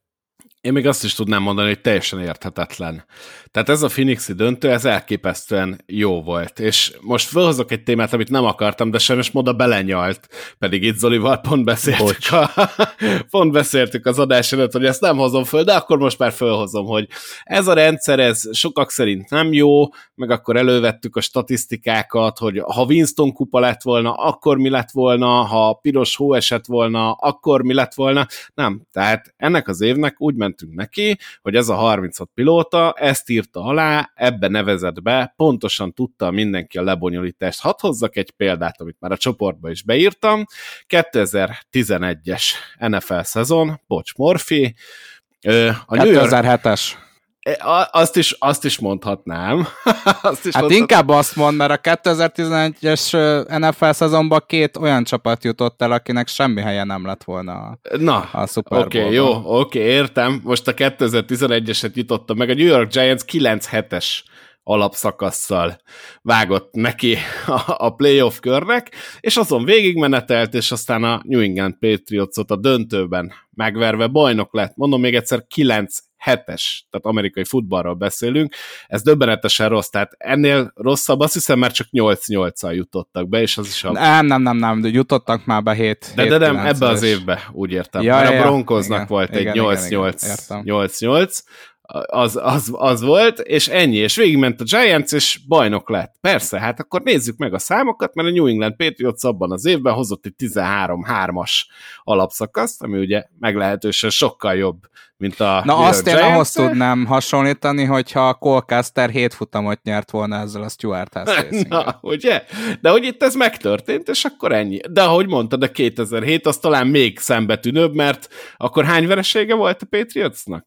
Talán a döntőben, nem? Csak. Egy a döntőben, a döntő. igen. Igen, igen, igen. Úgyhogy... De nyugodtan még egy pár sebet föl lehet a... Nem, ez nem ellene. Még, még nyugodtan, nyugodtan mond be a Jimmynek a Phoenixi defektjét, amikor Brad Keselowski lett a bajnok, és még sorolhatná.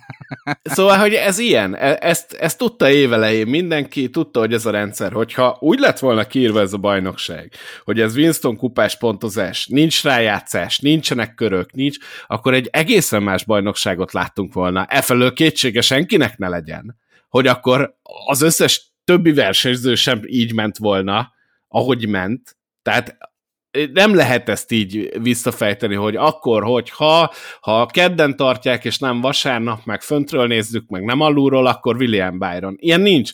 William Byron fantasztikus évet tudhat maga mögött, és biztos vagyok benne, hogy ő is lesz bajnok a jövőben, de de én nem éreztem benne idén azt, hogy, hogy ez meg lehet, és egész egyszerűen azért, mert egy, szerintem egy szuper pályafutás kezdetét látjuk, de William Byronnak bizony még, még egy picit érnie kell, minden tehetsége, háttere és szponzor és szerencsére megvan ahhoz, hogy ebből bajnoki címek legyenek, de ez most azt gondolom, hogy teljesen jogosan Ryan Blaney éve volt, és egy, egy hosszú pályafutás már az, ami a háta mögött van, és még reméljük, hogy előtte is. Ez, ez, egy, ez egy nagyon régóta tartó munkának a beérett gyümölcse, és minden tiszteletet megérdemel Blaney. Bocsáss meg még, mielőtt moda magadhoz ragadnád a szót, szerintem érdemes megnézni a 2011-es Cup Series fináléját és Chase rendszerét, ahol hát Tony Stewart szerintem, hogyha nagyon jó szívű akarok lenni, akkor bebukdácsolt. Tehát ő emlékszem, hogy le is adott egy olyan nyilatkozatot a Chase előtt, hogy hát igazából már nem is nagyon érdekel a dolog, ha bejutok, bejutok, ha nem, nem. És valahogy a Chase-ben négy futamot, vagy öt futamot megnyert, és ezzel lett bajnok. Szóval azért a Chase-ben is voltak ilyenekre példák, hogy valaki akkor támad föl, és, és csak amiatt lett bajnok. Azokat én egyáltalán nem értem, amikor Winston kupa pontozási rendszert akarunk, 36 futamot, alapszakasz rájátszás rendszer nélkül összehasonlítani a mostani dolgokkal. Ahogy mondott Boszkó, teljesen más lett volna a hozzáállás, ugyanis a jelenlegi rendszerben egy valami számít, a futamgyőzelem, semmi más. Jó, nyilván pontok, meg láttuk, hogy azért elég erőteljesen számít az, hogyha az alapszakasz bajnok vagy, és egy igazán középszerű teljesítménnyel el tudsz azért bukdácsolni a legjobb nyolcba, de teljesen más lett volna a versenyzők hozzáállása, teljesen más, hogy versenyeztek volna, adott esetben egy top 5 is jobban megbecsülnek, mint egy futamgyőzelmi próbálkozásra beszálljanak én azt már, ahogy ezt az előbb is mondtam, nekem ezzel a rájátszás rendszerrel elég nagy problémáim vannak a bevezetés óta, de nem az, ami, ami mondjuk sokaknak, hogy akkor legyen 36 futam és ne legyen rájátszás, az szerintem egy teljesen káoszos dolog lenni, és az izgalmakat megölni, vagy legalábbis eléggé nagy mértékben csökkenteni annak az esélyét, hogy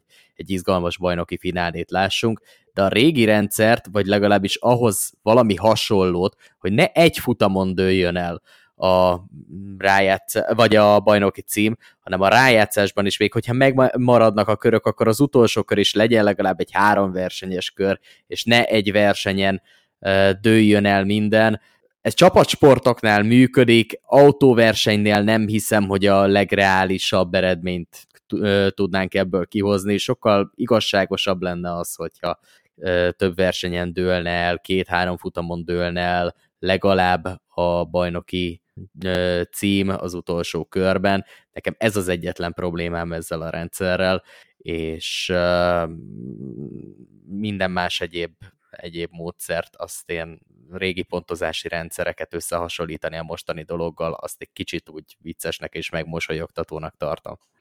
Azért vagyok be őszintén, nem nagyon akarom megvédeni William Byron, de azért megfogom egy picit, hogy azért a Hendrick Motorsports nem hozott jó autót sem Kyle Larsonnak, sem William Byronnak.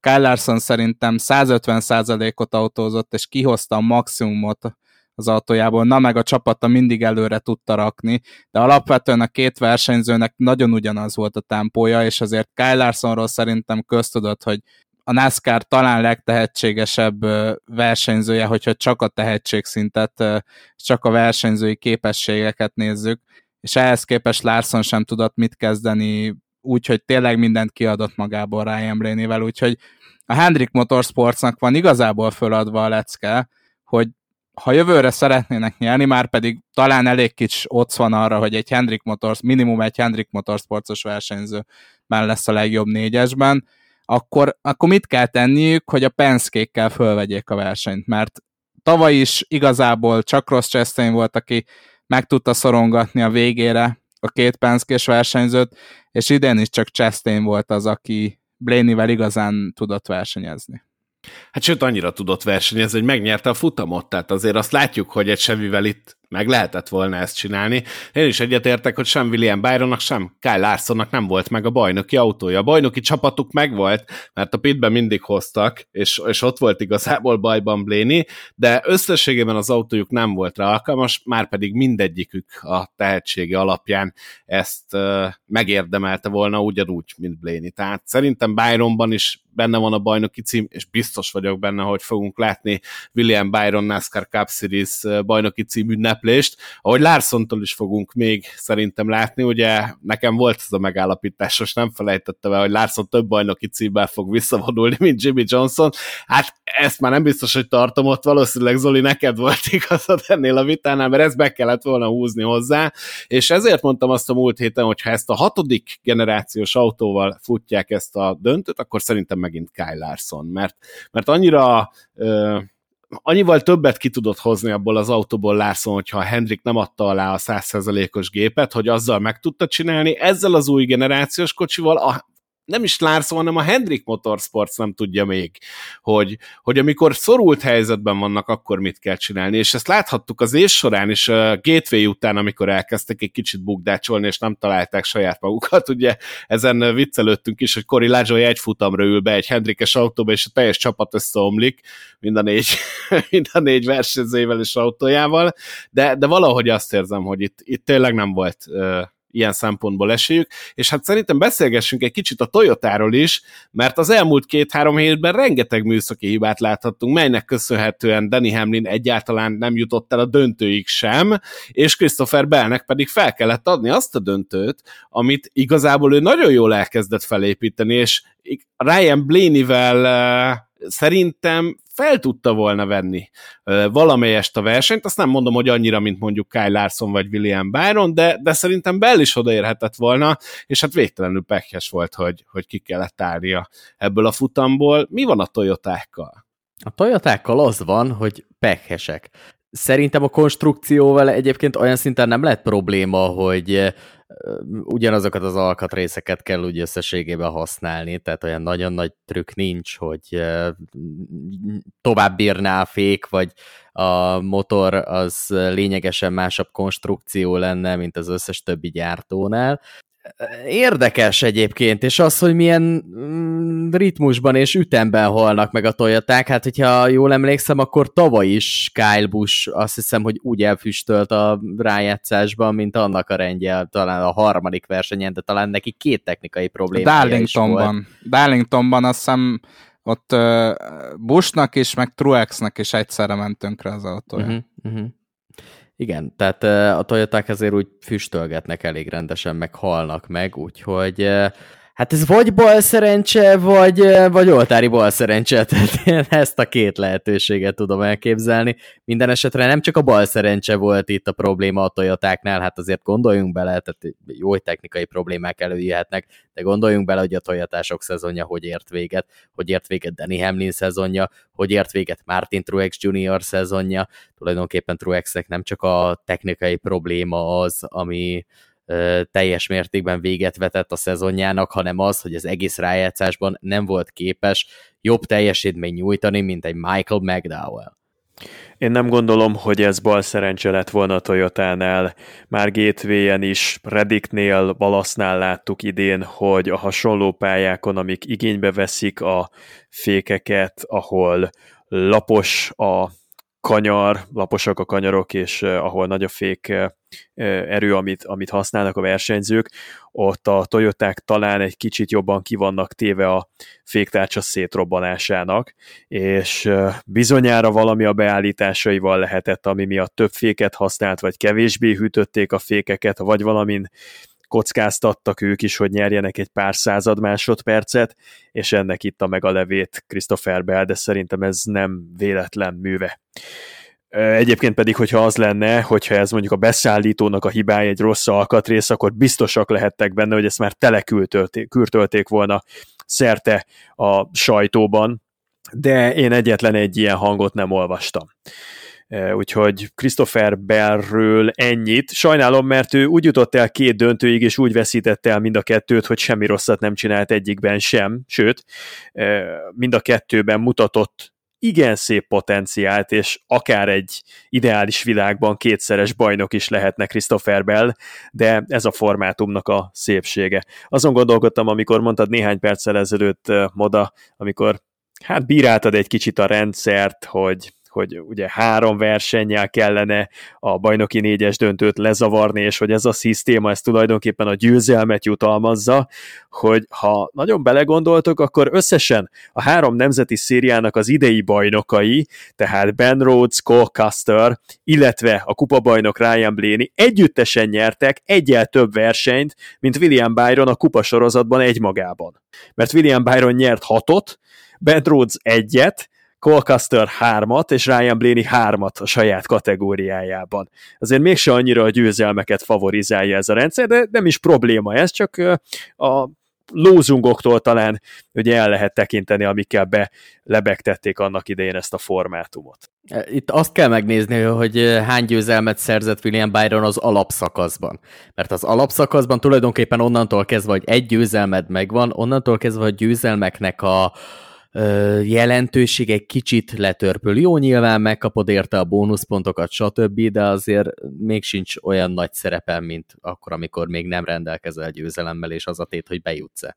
Azért azok a bónuszpontok elég sokat számítanak, és ezt láthatok Martin Truex Juniornál, és nekem mindig eszembe jut az, amikor e- ez a vita megy, és megmondom őszintén, én már ezt egy picit unom is talán, de na, egyáltalán baj, hogy erről megy a diskurzus mindenhol a világban, tehát a Twitter-től elkezdve mindenhol.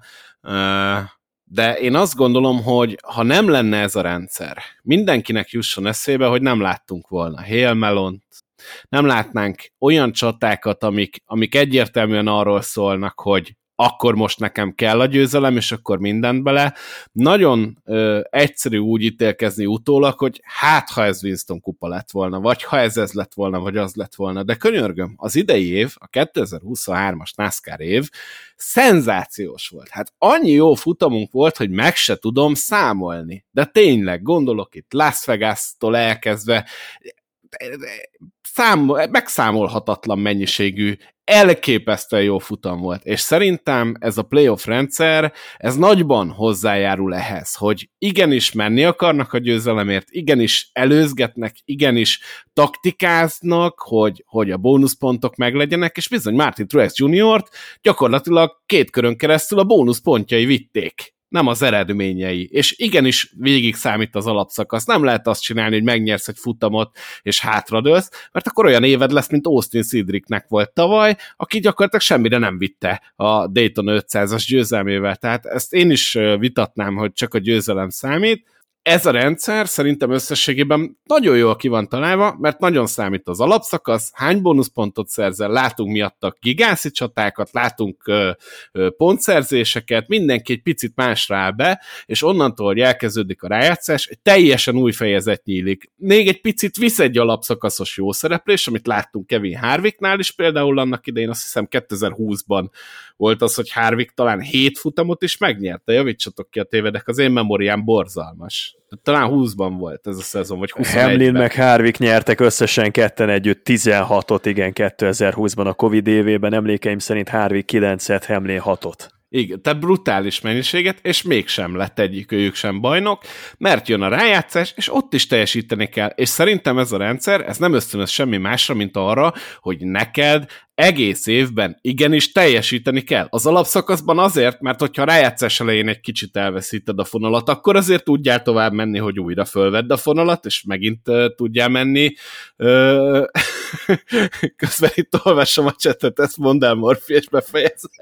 9 én... meg 7. Tehát 9-et nyert Harvick, 7-et nyert Hamlin. Lehet, hogy rosszul mondtam, és akkor az 16-2 Nem, jól, nem jól, jól, mondtad, jól mondtad, Zoli, én úgy emlékszem, hogy 16 Na, mondtál. akkor? Szóval... Uh, Szóval... Nem mindenki számára érthető a dolog. Nem, a Moda most beírta, hogy 9 meg 6 egyelő 17 kérdőjel XD. Nem, 9 meg 7 egyelő, egyelő 16. Igen, az lett volna eredetileg csak. De az meg annyi. Szóval én, 17, én 17-et értettem, az volt a, a mm, story kezdete. Mindegy, off topic. Haladjuk. Belső azt, story. Azt, azt akartam, azzal akartam egyetérteni modával, hogy hogy oké, okay, ez tök jó, hogy egy versenyen dől le, de ha minden évben Phoenixbe megyünk, most gondoljatok bele, hogyha azt mondták volna például Jeff Gordonnak, hogy na hát akkor minden évben Martinsville-be tartjuk a döntőt, vagy azt mondták volna Jimmy Johnsonnak, hogy na minden évben Doverben tartjuk a döntőt, akkor hány bajnoki címük lenne? Tehát ez egy picit kitolás azokkal, akik Phoenixben nem jók. Nyilván el kell jutni Phoenixig, és Ryan Blaney-nek sem volt garantált, hogy eljut Phoenixig, sőt, hát én, én mondtam is az adásban, hogy három héttel ezelőtt se gondoltam volna még, hogy Ryan Blaney el fog jutni, de olyan formába kever, került, ami, ami utánozhatatlan volt. És hát amikor meg Phoenixbe eljutsz, akkor meg nagyon nehéz Ryan Blaney és a Penske ellen fogadni. Na most én ezért vagy azt csinálnám, hogy akkor próbáljuk már egy picit rotálni a helyszíneket, vagy, vagy akkor tényleg azt, amit a Moda mond, hogy három, három fordulóban dőljön el a bajnoki cím sorsa. Én azért megnéznék csak poénból egy évben egy olyan szezont, amikor a bajnoki döntőt Daytonában rendezik. Aha. Austin Sindrick, bajnoki cím. De hogy jut el odáig? Ezt azt is Blaney nyerni. Vagy nem tudjátok, mi lenne akkor? Meg lenne Hamlin első bajnoki címe. Corilla Joy. Szerintem, szerintem Corilla Joy nyerni, és Hamlin lenne a második. Szerintem Hamlinnek nem tudsz olyan pályát berakni, ami nő bajnok lenne. Lehet, szegény, amúgy tök, esküszöm, hogy egy picit sajnálom, de ez, ez tényleg nem rajta múlt, hogy nem tudott Hamlin bekerülni a döntőbe, és ezért, ezért sajnálom ezt az évét, amúgy fantasztikusan teljesített ő is. Befejezve a gondolatmenetet, szerintem itt egész évben uh, teljesíteni kell alapvetően, nem igazak ezek a szélsőséges állítások, hogy egy-egy versennyel el lehet jutni a végig, nem lehet nem lehet, vagy akkor szögpontosan megnyered mindig az alapszakasz utolsó futamát, vagy valamelyiket a 26-ból, aztán minden körben nyersz egyet. Én meg azt mondom, hogy aki minden körbe tud nyerni egyet, az legyen is bajnok. Az, az menjen be a döntőben, nyerje meg, az azt jelenti, hogy egy évben az négy futamgyőzelem, ha ezt valaki össze tudja hozni, hogy a megfelelő pillanatban mindig nyer, és azt hiszem évelején is pontosan ugyanezt mondtam, annak én odadom a bajnoki címet. Azt le a kalappal teljesen fölösleges szerintem ezen polemizálni, hogyha kosárlabdában két méterrel magasabban lenne a gyűrű, akkor nem Michael Jordan lenne a világ valaha volt legjobb játékosa. De történetesen ott van, mert ez a szabályrendszer. Kész, tudomásul kell venni. Ugyanez igaz a NASCAR-ra is. Ha valakinek kétsége fűződne ahhoz, hogy miért Ryan Blaney lett 2023 bajnoka, az nézze vissza az utolsó öt versenyt ebből a szezonból, és rájön, hogy miért ő volt a legjobb, kész, nem csak egy versenyen nyújtott kimagaslót, hanem az utolsó öt hétvégén álomszerűen ment. Bárki, aki mást mond, az hazudik. A rendszernek van egy ilyen sajátossága, lehet abuzálni a rendszert, eh, ki lehet használni, de itt szerintem nem ez történt, és még egyelőre ha Ben Rhodesnak a Truck Series bajnoki címét nem, nem vesszük most figyelembe, akkor azért egyelőre nem sok olyan példát lehet hozni, amelyik, amely, amelyik évben teljesen érdemtelen lett volna a bajnoknak a személye. Mondom, a Truck Series-ben előfordult, Matt Craftonnak volt azért olyan bajnoki címe, ami elég erőteljesen megkérdőjelezhető. Ez a Ben Rhodes-os mostani úgyhogy semmilyen statisztikai mutatóban nem volt, nem hogy top 2-ben, top 3-ban, de jó szerével még top 5-ben sem az idei szezon tekintve. Daniel Hamrick, mégis... Xfinity. de Daniel Hemricknek azért szerintem a maga csendes szezonja, az sokkal magasabb színvonalon volt csendes, mint most Ben Rhodesnak, vagy, vagy mit tudom én hány évvel ezelőtt, öt évvel ezelőtt Matt Craftonnak az a nyeretlen Truck Series-es bajnoki címe.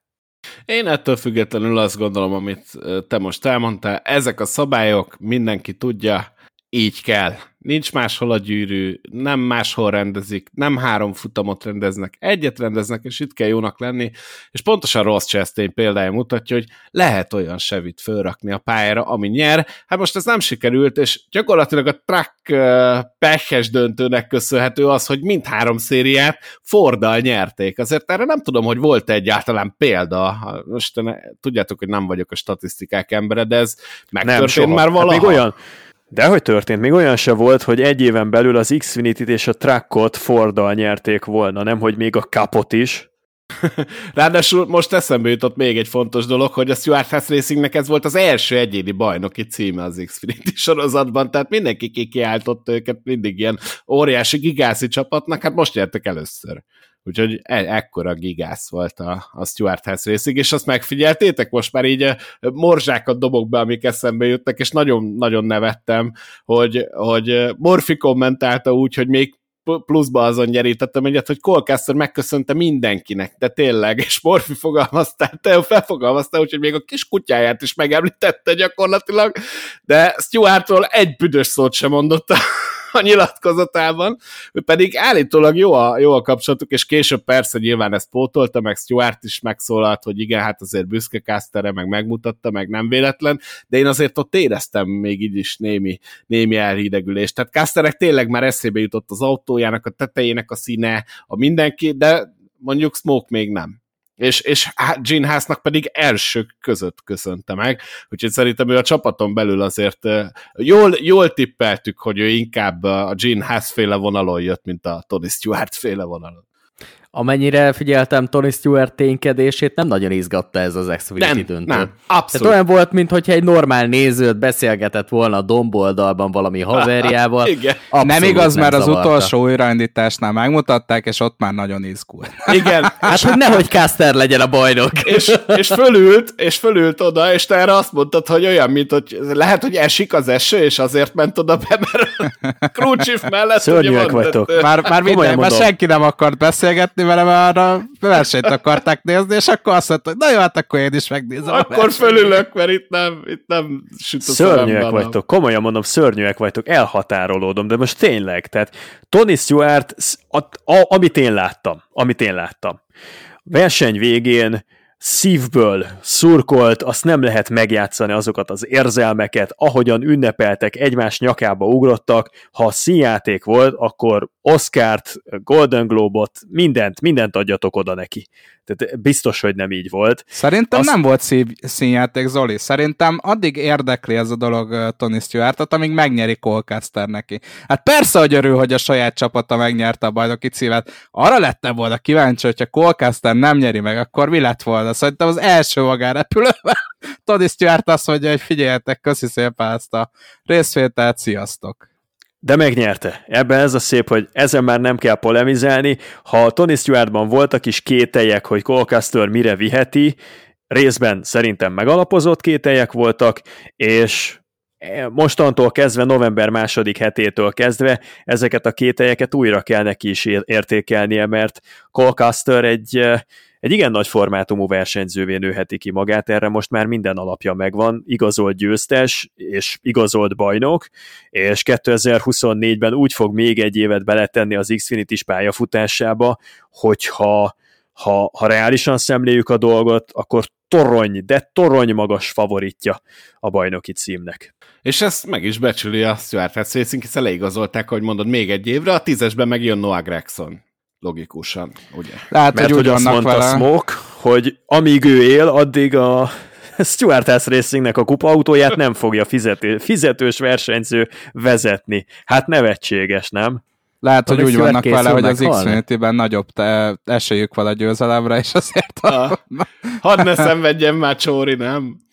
Jó, gyerekek, na mindegy, ezt már kitárgyaltuk Egyébként, sokszor. bocs, mennyire lehet benne szerintetek ez, hogy Colcasternek fel lett ajánlva, és és ő inkább azt mondta, hogy maradna egy évet, tehát hogy volt egy választási Semennyire. lehetőség. Zero. Szerint nem, nem Biztos, volt, nem volt választási lehetősége. Hát, hát láttad a fickót te is, hogy bármikor, amikor erről kérdezték, most ö, utólag is, meg menet közben év során nem szívesen beszélt, és látszott, hogy ez egy óriási csalódás volt számára, egy nehezen lenyelhető ö, pofon, egy, egy, egy, egy, egy, egy, egy rossz emlék neki ez az egész, hogy őt Gene Haas szerette volna még egy évig tolni a kupasorozatban, Tony Stewart nem szerette volna, és akkor ott találta magát az Xfinity-ben.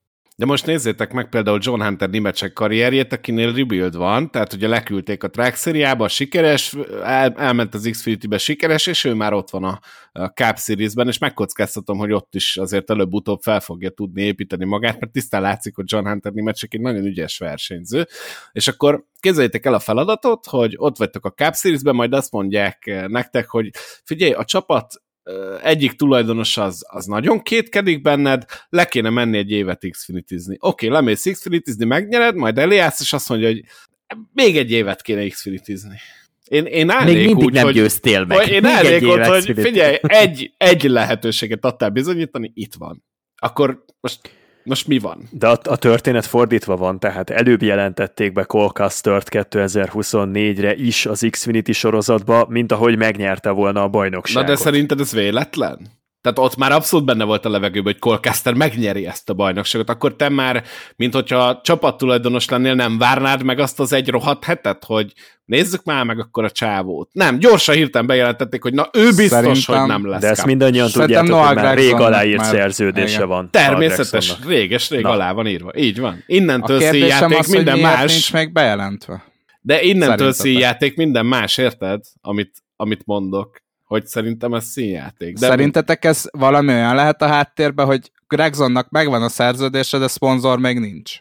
Szerintetek ez benne lehet a pakliban? Szerintem nem.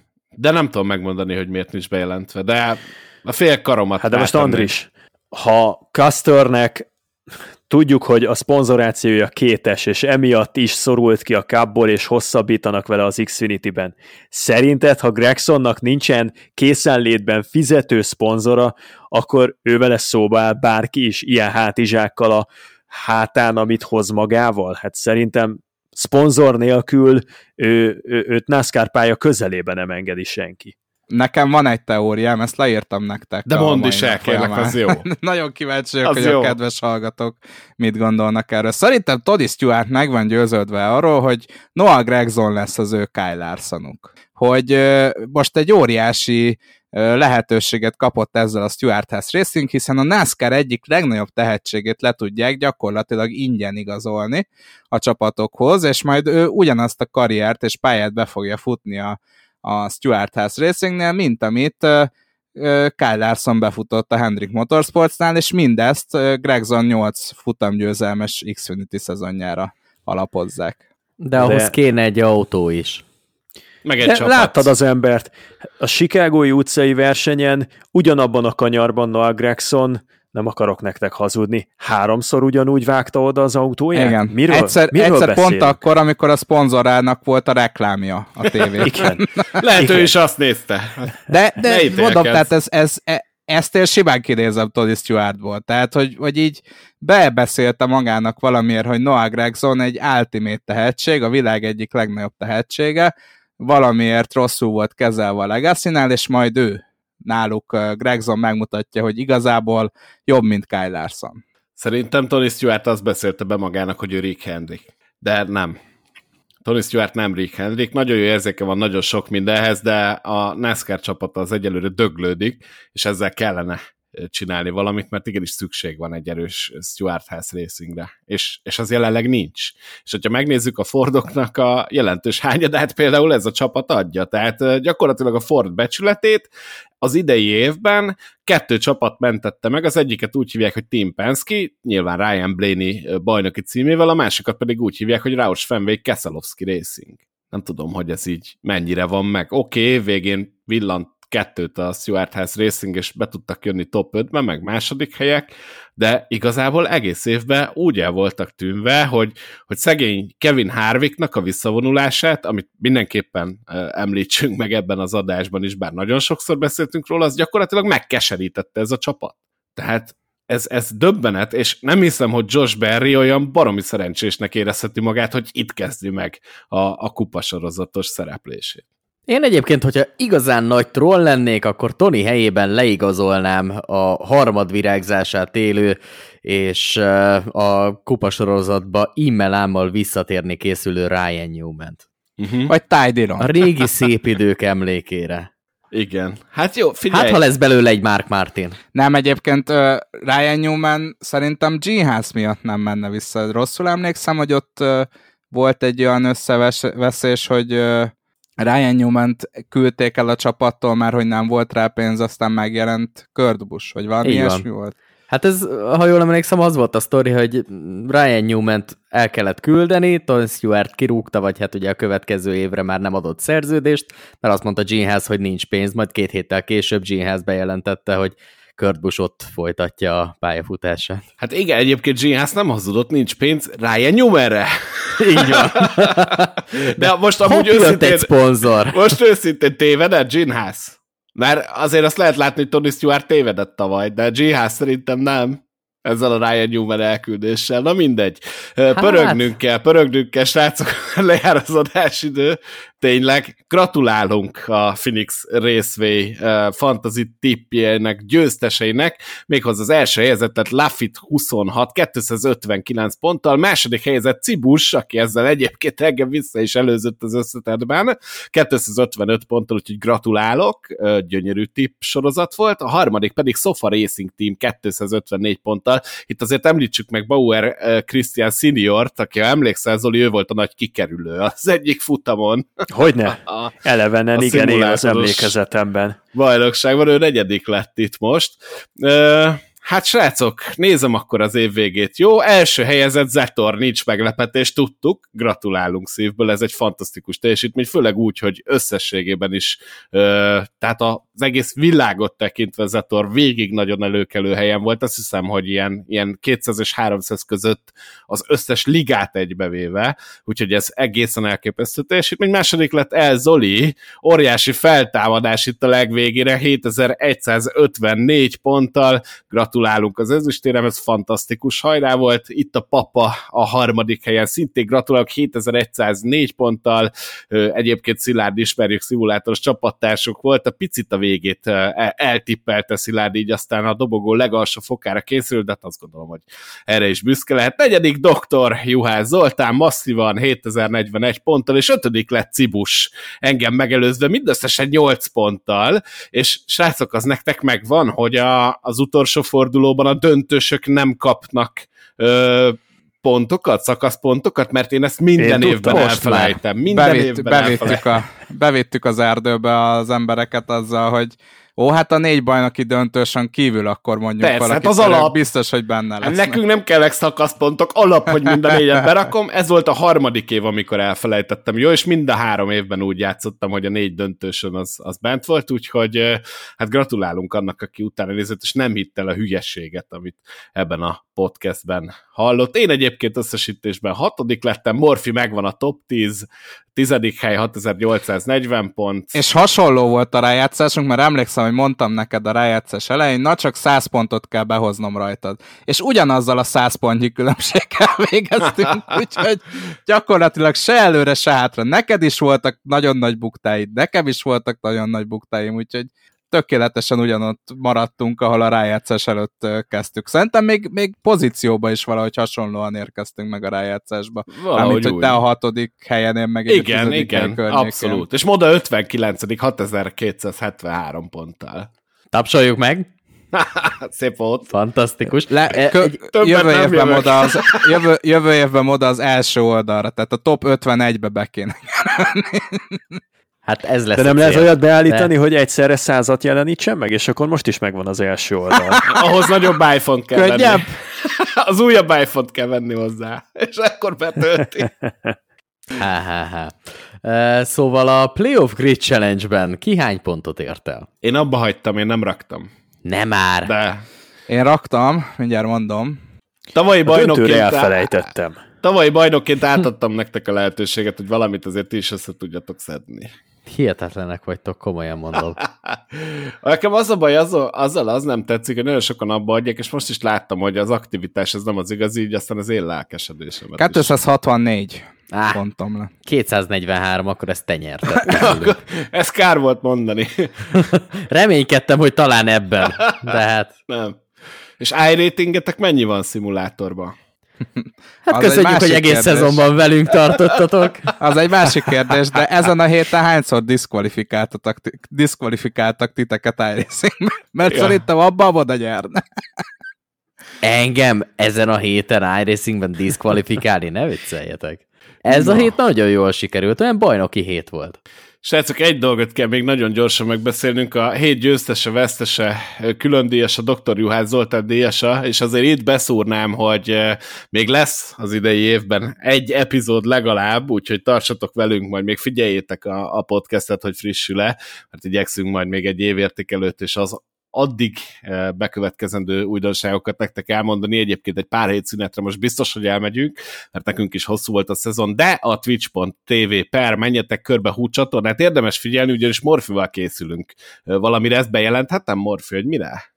Ö, ha arra gondolok, amire te is gondolsz, akkor persze. Hát ugye arra gondolok, hogy szeretnénk megmutatni nektek, hogy az iRacing-es ovál karriert, a NASCAR karriert hogy lehet eh, elkezdeni a nulláról, és mit érdemes csinálni, és ezt livestreamek formájában fogjuk megtenni. Illetve van még egy, Morfi, még egy dolog, amit, amit te mondtál szintén, ez, ez is a te ötleted, Le van, le van fagyva az agyam, mondd be amikor nyugodtan. együtt nézünk versenyt, na? Igen, igen, igen, lesz ilyen, de szerintem azt, azt lehet, hogy átcsúsztatjuk a, a jövő évre, tehát úgy lesz, hogy itt idén elkezdjük letolni a, azt, amit először mondtál, hogy hogyan lehet felépíteni egy iRacing karriert, és aztán pedig januárban egy picit megpróbáljuk fel építeni a szezon iránti várakozásokat ezekkel a klasszikus versenynézegetésekkel, és már szerintem jöhetnek is majd a kommentek, meg a tippek, hogy ki mi, melyik versenyt nézné meg velünk közösen majd. És ami még nagyon fontos, hogyha minden igaz, akkor lesz nekünk egy közönség találkozónk, méghozzá a VSR és a Simliga díjátadóján, közös díjátadóján, ugye tudjátok, hogy mi alapvetően elég szimulátoros arcok vagyunk, és ott kaptunk lehetőséget, ott lesz egy élő podcast felvétel, ez majd januárban lesz, a következő adásban majd beszámolok a részletekről, mert addig úgyis elfelejti mindenki, de januárban Budapesten, ha jól emlékszem, Óbudán uh, lesz lehetőségetek találkozni velünk, és nekünk is veletek, úgyhogy nagyon szeretnénk, hogyha oda uh, kifáradnátok, és tudnánk egy jót beszélgetni, meg, meg nevetnénk együtt egy királyat, meg, meg elmerülnénk ott a szimulátorozás világában, ugyanis ott majd ki lehet próbálni, hogy milyen egy NASCAR autót vezetni, és tényleg nagyon-nagyon hasonló a valóshoz. Most viszont, ö, hogyha nem felejtettem el semmit, akkor gyorsan, villám gyorsan a hét győztese, vesztese, külön díjas, a Dr. Juhász Zoltán díjasa, ezt válasszuk meg. Én most az egyszer a hét loserét szavaznám meg vesztesnek, ez pedig. Haim. Hát tudtam. Corey Ez egyértelmű. Nincs mit beszélni róla, szerintem. Legyen úgy. Hét, hét Nagy nehezebb győztese. mész vele, Zoli? Hét győztese. Azért ö, Hosszevárral elég magasra tették a lécet. Nem gondoltam, amikor Hosszevár megpörgette Hájmot, hogy ezen a héten nem Hosszevár lesz a hét vesztese, és aztán jött Cory Haim. Hét győztese. Én erre Colcastert mondanám. Tehát neki szerintem kevesebb esélye volt arra, hogy megnyeri az Xfinity-t, jóval kevesebb esélye volt arra, hogy megnyeri az Xfinity-t, mint Ryan Blaney-nek a kupát. Vicces, mert ezen fogunk összeveszni, mert nálam meg Ryan Blaney. Nálam meg oh. Mert hogy Báróc meg gyakorlatilag tényleg semmit nem csinál. Úgyhogy Zoli fog dönteni. Nyilván Ryan Blaney. Gyerekek, ne Köszönöm. hülyeskedjetek, mert láttátok, amit én láttam. Egész évben azt hajkuráztuk, hogy az utolsó sárga zászlónál Phoenixben, ahogyan kijönnek a pit roadról, abban a sorrendben intik le őket. Erre jön Ryan Blaney, és a generáció legtehetségesebb versenyzőjét egy Hendrick Motorsportos kocsival körbeautózza, és megnyeri a bajnoki címet. Hát még jó, hogy Ryan Blaney. Oké, okay, külön díjasa, mert hogy ehhez én nem tudok hozzáfűzni semmit. Tehát Ryan Blaney-ről még Peti is elmondta, hogy hát pont az a baj vele, hogy amikor teljesíteni kell, akkor nem tud, és ezek a hangok egyébként nagyon sokszor megjelentek az interneten. Ryan Blaney most megmutatta, hogy tud, és megnyerte a kupasorozatot. Nálam még Colcaster szurkolóként is egyértelmű Ryan Blaney, úgyhogy valakit a külön díjasra terjesztünk fel. Chastain. Igen, nem én tudok is... vele együtt menni, most mondom. Én is mennék Chastainnel, mert illetve lehet, hogy párhuzamban megszavaznám Chastaint és is. Szegény, szegények szenzációs futamgyőzelmet arattak, Christianekis karrier évet futott, hogyha Bristolban nincs egy csapat összehangolódása a Triconnál, akkor és nem tartja fel az utolsó körben Tanner Gray, akkor most lehet, hogy arról beszélnénk, hogy Christianekis a, a Track Series bajnoka, úgyhogy én nálam szegény Christianekis az egyik, a másik pedig Ross Chastain, aki hát egy eléggé borzalmasan alakuló szezon után azért csak elcsípett egy, még egy futamgyőzelmet itt a szezon végére, úgyhogy én most először két ember terjesztenék föl Ekis és, és Chastain személyében. Én hozzáteszem, én egyikkel sem értek egyet, mert nálam a külön díjas Colcaster. Megválthatja a karrierjét. Díjat a bajnoki cím igen, mellé. Hát igen, megválthatja ezzel a végre, karrierjét. Szegény Chastainnek végre van egy normális versenye, erre a kutya nem foglalkozik vele.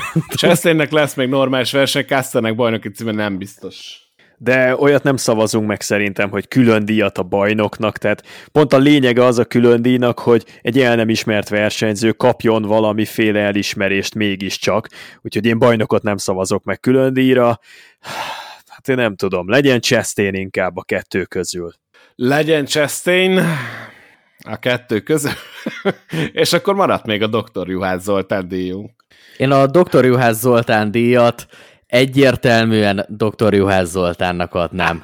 Az egész éves munkájáért. Egyetértek, három Jaj, gyerekek, három jönni. közvetítést tolt le a bajnoki döntőbe. Ezt fehér embernek nem kívánom, de még színes bőrűnek se. Én, én Parrak Zsombornak adnám most ezt a dr. Juhász Zoltán díjat, ő ugyanis ugyanígy végig tolta, műsorvezetőként a stúdióbeszélgetést és vezető kommentátorként mind a három futamot, emellett pedig még egy NFL meccset is a vasárnapról hétfőre virradó éjjeli órákban valamikor hajnal két órakor, úgyhogy köszönöm szépen, nagyon megtisztelő, de ha én díjazott lennék, akkor Zsombi meg, hát ak- akkor őt koronázátok királyá. Szóval nálam egyértelműen Zsombi ennek a hétnek a külön díjasa.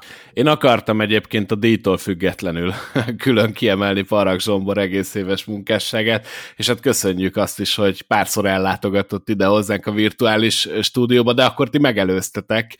Ezzel a gondolattal viszont zárnánk az évet. Még egyszer mondom, legalább jelentkezni fogunk egy ilyen karácsonyi ajándékadással. Figyeljétek a Facebookunkat, mert oda viszont ki fogjuk rakni a közönség találkozóval kapcsolatosan a tudnivalókat. Mindenkit várunk szeretettel, a belépés ingyenes, és egyéb programok is színesítik majd azt a napot. Lesznek ott nagy nevek az autósportból is, úgyhogy aki a benzin gőzért oda van, annak mindenképpen ott a helye, akár virtuálisan, akár valósan, mert mind a két világból fog az esemény bőven felvonultatni részvevőket. Én megköszönöm nektek is az egész éves munkásságotokat, dr. Juhász Zoltánt hallhattátok, Rós Andrást és Molnár Dávidot, én pedig Módos János voltam, és nektek is, drága hallgatók, köszönjük szépen, hogy ennyi kommentet írtatok, és velünk voltatok, és ezeket a hosszú-hosszú epizódokat egész évben bírtátok. Jövőre is visszatérünk, de mondom, figyeljetek, mert idén még egyszer jövünk.